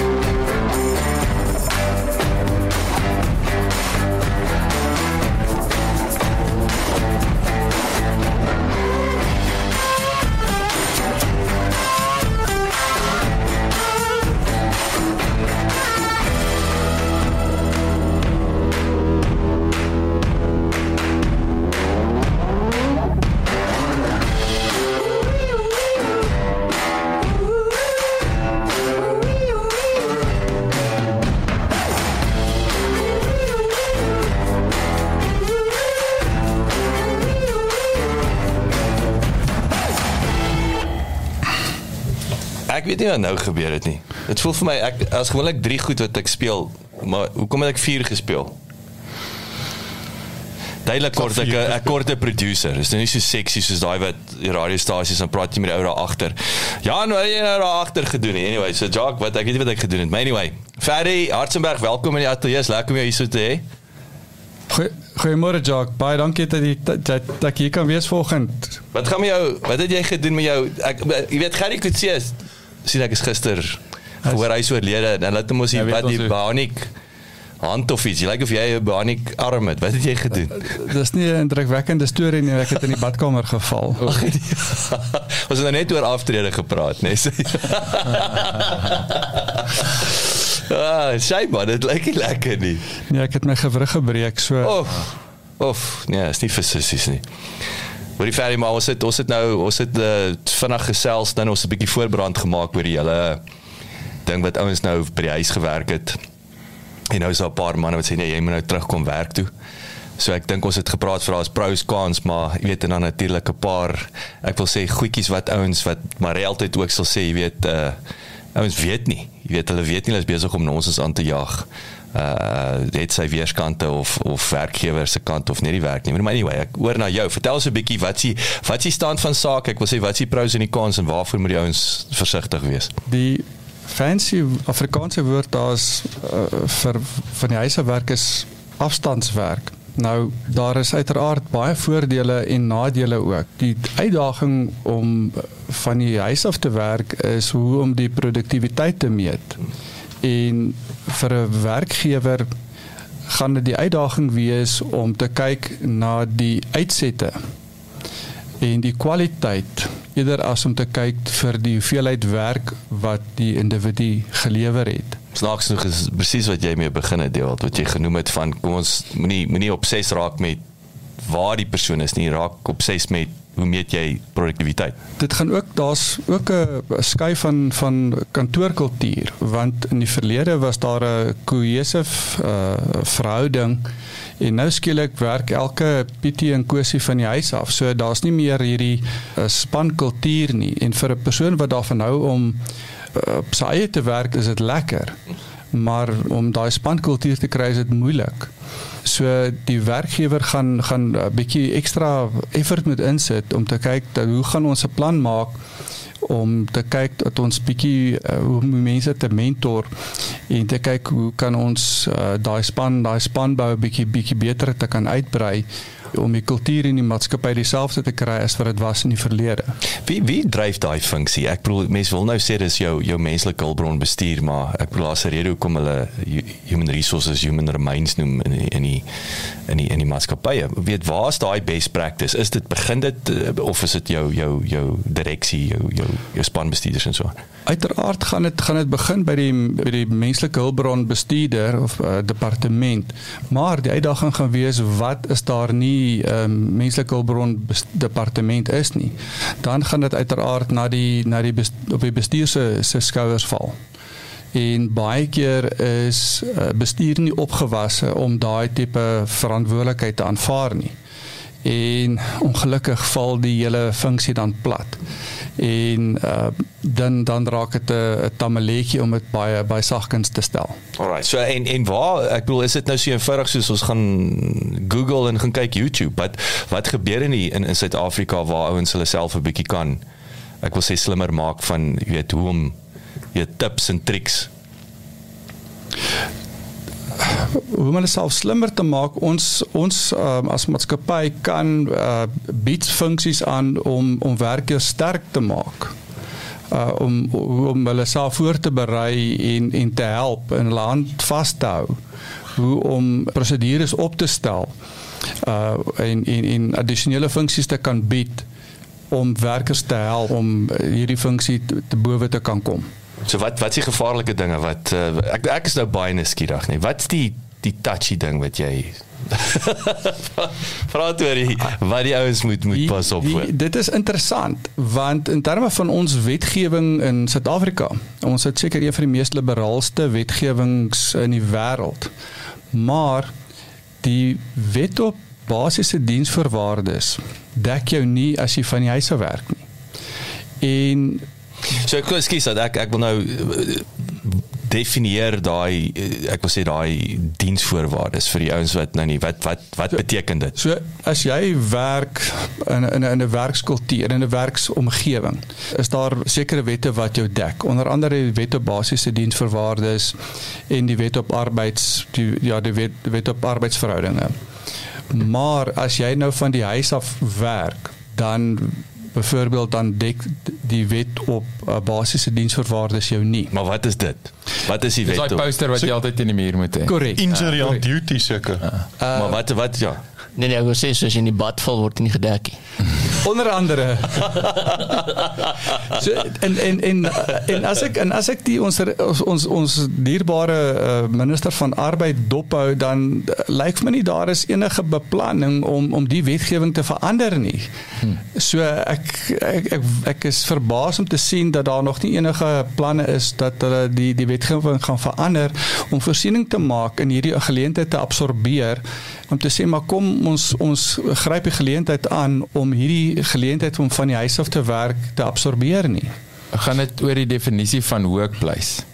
Of waar ja, waar kom daai split ja, in? Ja, dis 100% korrek want want 'n workplace op die stadium dek net 'n werksplek en nie en nie die die werksplek per se van van Nie 'n virtuele ja. Ja, oh, okay, dis interessant. So dit het nie hy het nog nie 'n aangepaste die definisie het nie evolve om voorsiening te maak vir iemand wat nie by die werk se plek is nie. Ja. So wat is maar ek ek hak nou so 'n plaat vas. Wat is dan nou die bad val is 'n voorbeeld. Wat is dan nog tipies? Wat word jy nie beskerm nie en ek wil sê wat is die implikasie vir die dit klink vir my as nie 'n uh, wel die gevolge vir die werknemer is jy jy verloor dalk 'n uh, belangrike persoon in die proses of iets uh, onderbreek die werk. Die ander bekommernis is in terme van die die werkloosheidsvoorsiening uh UIF. ja, ek is nie seker dat dit jou gaan dek nie. Praggies. Okay, wel, dis interessant. Maar die ja, die Basic Conditions of Employment Act is elke werkgewer moet volgens wette teen die muur hê.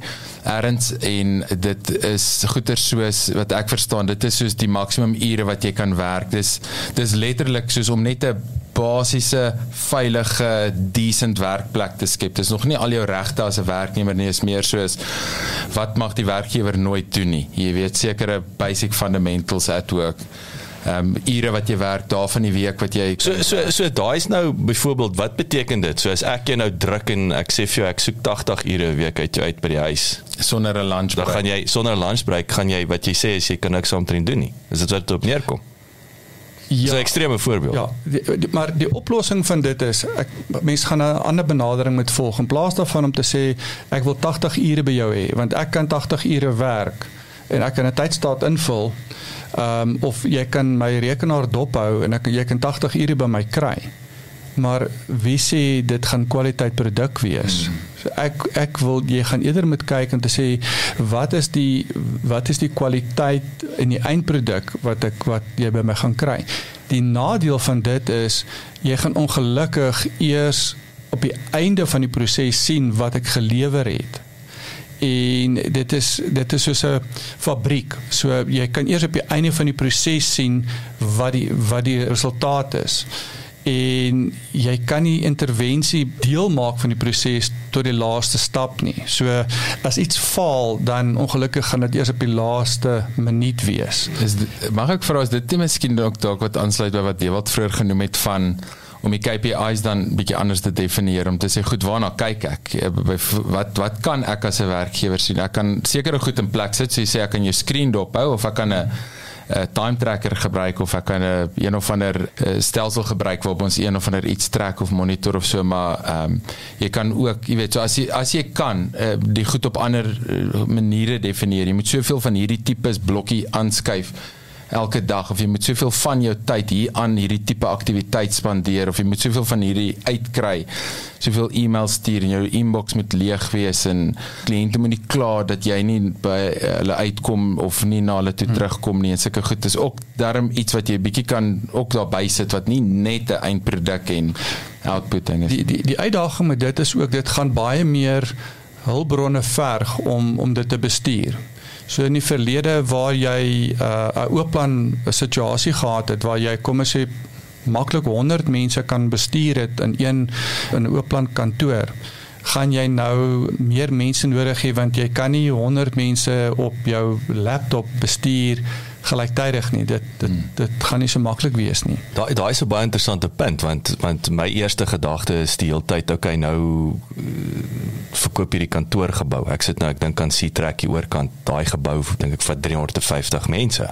Jy weet nou okay ek dink hulle almal moet nou kantoor toe kom maar die punt is wat jy nou sê is ja jy kan ook nou jou kantoor afskaal maar nou skielik moet jy ekstra salarisse betaal om soos jy sê want jy kan nie een ou kry om 'n oop plant te te bestuur nie. Jy het nou 2 of 3 ouens nodig om die online oop plant te bestuur. Kom ons kyk na die kom ons kyk na die geleenthede. Daar's dit dit laat die die die geleentheid oop vir baie want geen maatskappy is dieselfde as die volgende een nie. En geen maatskappy is daar 'n dieselfde voetdruk, template wat by die volgende maatskappy kan gebruik word nie. So daar's geleenthede vir vir maatskappye om om sagte ware te ontwikkel om te sê maar hierdie sagte ware kan ek op vir jou gebruik om jou maatskappy se mense te evalueer en byvoorbeeld KPI's te ontwikkel. So dit is is dit die vol is dink jy dis wat waarna toe ons beweeg of seker reeds deel wat het jy nou met die tegnologie kant is dit die tipe ding wat evolve want ons het nou juist nou gepraat oor die whiteboard Ja, ek dink die tegnologie is klaar daar, weet jy, weet ek nog verder as KPIs gaan ons dink aan ook OKRs, weet wat hulle evolusie van KPIs is. So die tegnologie bestaan. Ehm um, dis ek wil sê is meer van 'n prosedure met jou bestuur en 'n mindset change sê maar hoe hoe sit ons daai measurements in plek en hoe kom jy by daai measurement en laat hy sin maak from top to bottom weet dat hy inpas by die groter strategie? 'n ander ander uitdaging is ook nou veral met groter maatskappye is hier die is die die die werk privaat balans. Want nou werk jy van die huis af en daai kantoor privaat balans word nou grys. So werkgewers gaan moet half ekstra hulpbronne daarstel om vir werknemers te help en dit dit sluit in dalk mentors en dalk sielkundige counselors as ek die woord kan gebruik. So coaches en coaches ja, om om hulle te kan help om sekere situasies te kan bowe te kom wat hulle nie in die verlede gehad het nie. So daar sien ek ook 'n geleentheid. Hmm. Maar hierdie klink vir my as ek nou histories so luister is ek wil hier dan so gou as moontlik in kantoor hê. En jou want dit klink vir my baie meer kompleks as jy dit reg doen om ouens van die huis te laat af werk. En nommer 2 is jy as werknemer se incentive is jy's nie jy is nie gecover nie. Nee? Wel, so wat voel vir my daar so hierdie is nie vir my so clear cut wil ek amper sê. Ek het die hele tyd in my kop omdat ek nog altyd jy weet remote of field based so dit is vir my normaal om so te te werk. En daar is natuurlik meriete en ons het gesê party persoonlikhede verkies dit ander nie. Maar dis vir my hierdie lyk nie vir my na wen-wen uh, uh, regtig vir vir beide partye as ek dit so luister nie tog daar is voordele. As ons mooi gaan kyk, as ons kyk na die situasie in ons land heidaglik. En as ons bevoor net praktiese goed in in dag in gedagte hou, soos die slaggat in ons paaie. Die tyd wat ons op op die pad spandeer hmm. uh, om om om te ry van van jou huis af na die werk toe. Hmm. Dis daai redreis komponent. Ja, so waar kom ons veronderstel nou maar dat ons stel vir Pietie aan op 'n 8 uur dag. Ons ons verwag 'n 8 uur dag uit hom uit. Niks keer om hom van 6 uur te begin werk tot 4 uur nie. So hy hoef nie tradisioneel 8 uur te begin soos wat hy in die verlede by die kantoor gewerk het nie. Hy kan 6 uur begin want hy hoef ons nou nie hmm. kantoor toe te pendel nie. So daar's die voordeel. Hmm. En nou het jy en hy's 'n hy's 'n varser uh, PT ja. want hy's nie road rage en stres en al daai dinge waarmee en hy het ekstra tyd om met die familie te sit en dit is wat hy op het op op die M1 spandeer het. En ons het nog nie gesels oor die oor die 4 dag werkweek wat wat ook om die draai is nie. Maar kom ons is as jy nou ek wil jou nou nie rede val en sê spring nie, maar kom ons kom ons praat. Ek voel is, is ons nie reeds op 'n 4 dag werkweek in Afrika nie. Alhoewel ek dink die Kaap is op 'n 3 dag werkweek. uh, dit is uh, daar's baie maatskappye. Ek het nog nie met ek het nog nie regtig veel ervaring op dit om er veel terugvoer te kan gee of daar of dit wel voordelig is nie. Daar's vir my nog te veel praktiese eh, probleme wat dit werklik nie doenbaar maak nie om om te sê dat dit 'n praktiese werklikheid kan word. Ek ek dink die ironie is in in die, ons praat nou weer ons het deel jy het begin en en uh, verder jy het ook begin met die hele ding van van meetbaarheid KPIs. Wat by the way, wat's 'n wat het jy gesê ou OKR. wat's 'n OKR?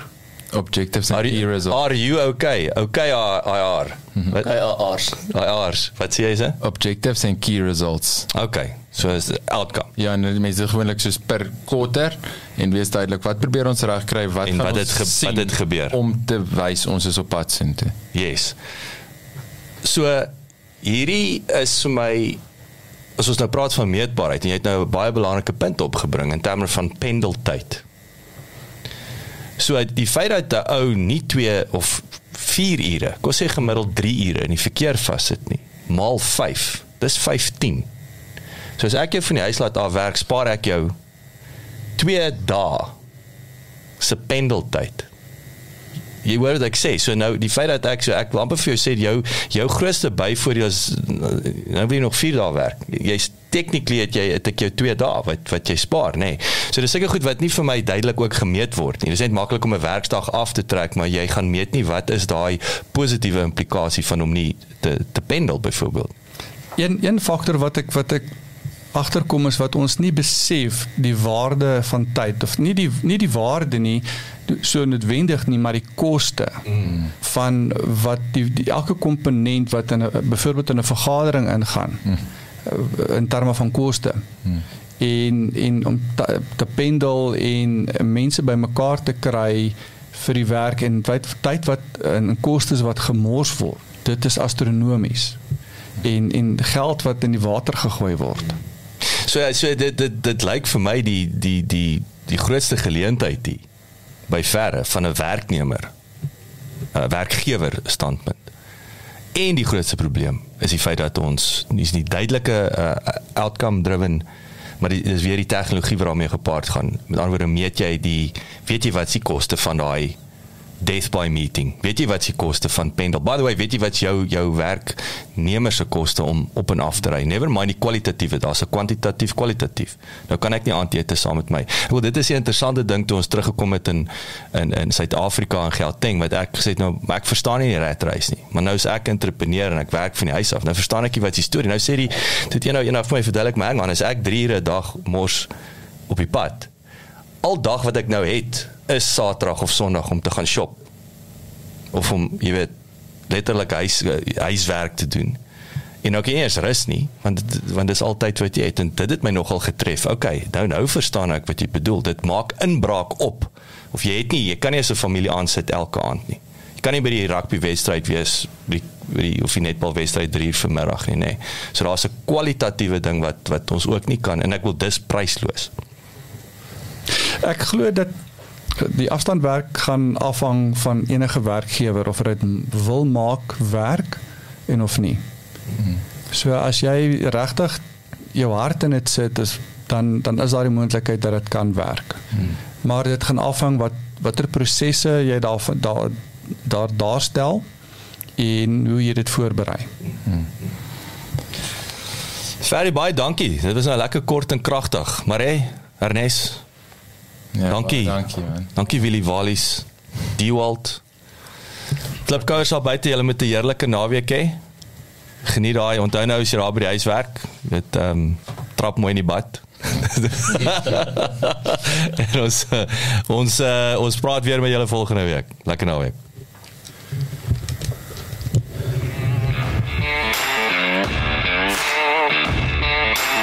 Dankie dat jy geluister het. Besoek asseblief ons webwerf by www.klipkouers.com. Teken sommer in sodat ons jou op hoogte kan hou. Baie belangrik gaan luister na ons ander potgooi reeks en episode op Spotify, Apple Podcasts of YouTube. Baie belangrik as jy hou van wat jy hoor, los asseblief 'n resensie sodat ander lekker mense soos jy van ons episode te hore kan kom. En kom volg ons op sosiale media. Besoek net vir Klipkouers op Facebook, Instagram, Twitter, TikTok en natuurlik LinkedIn.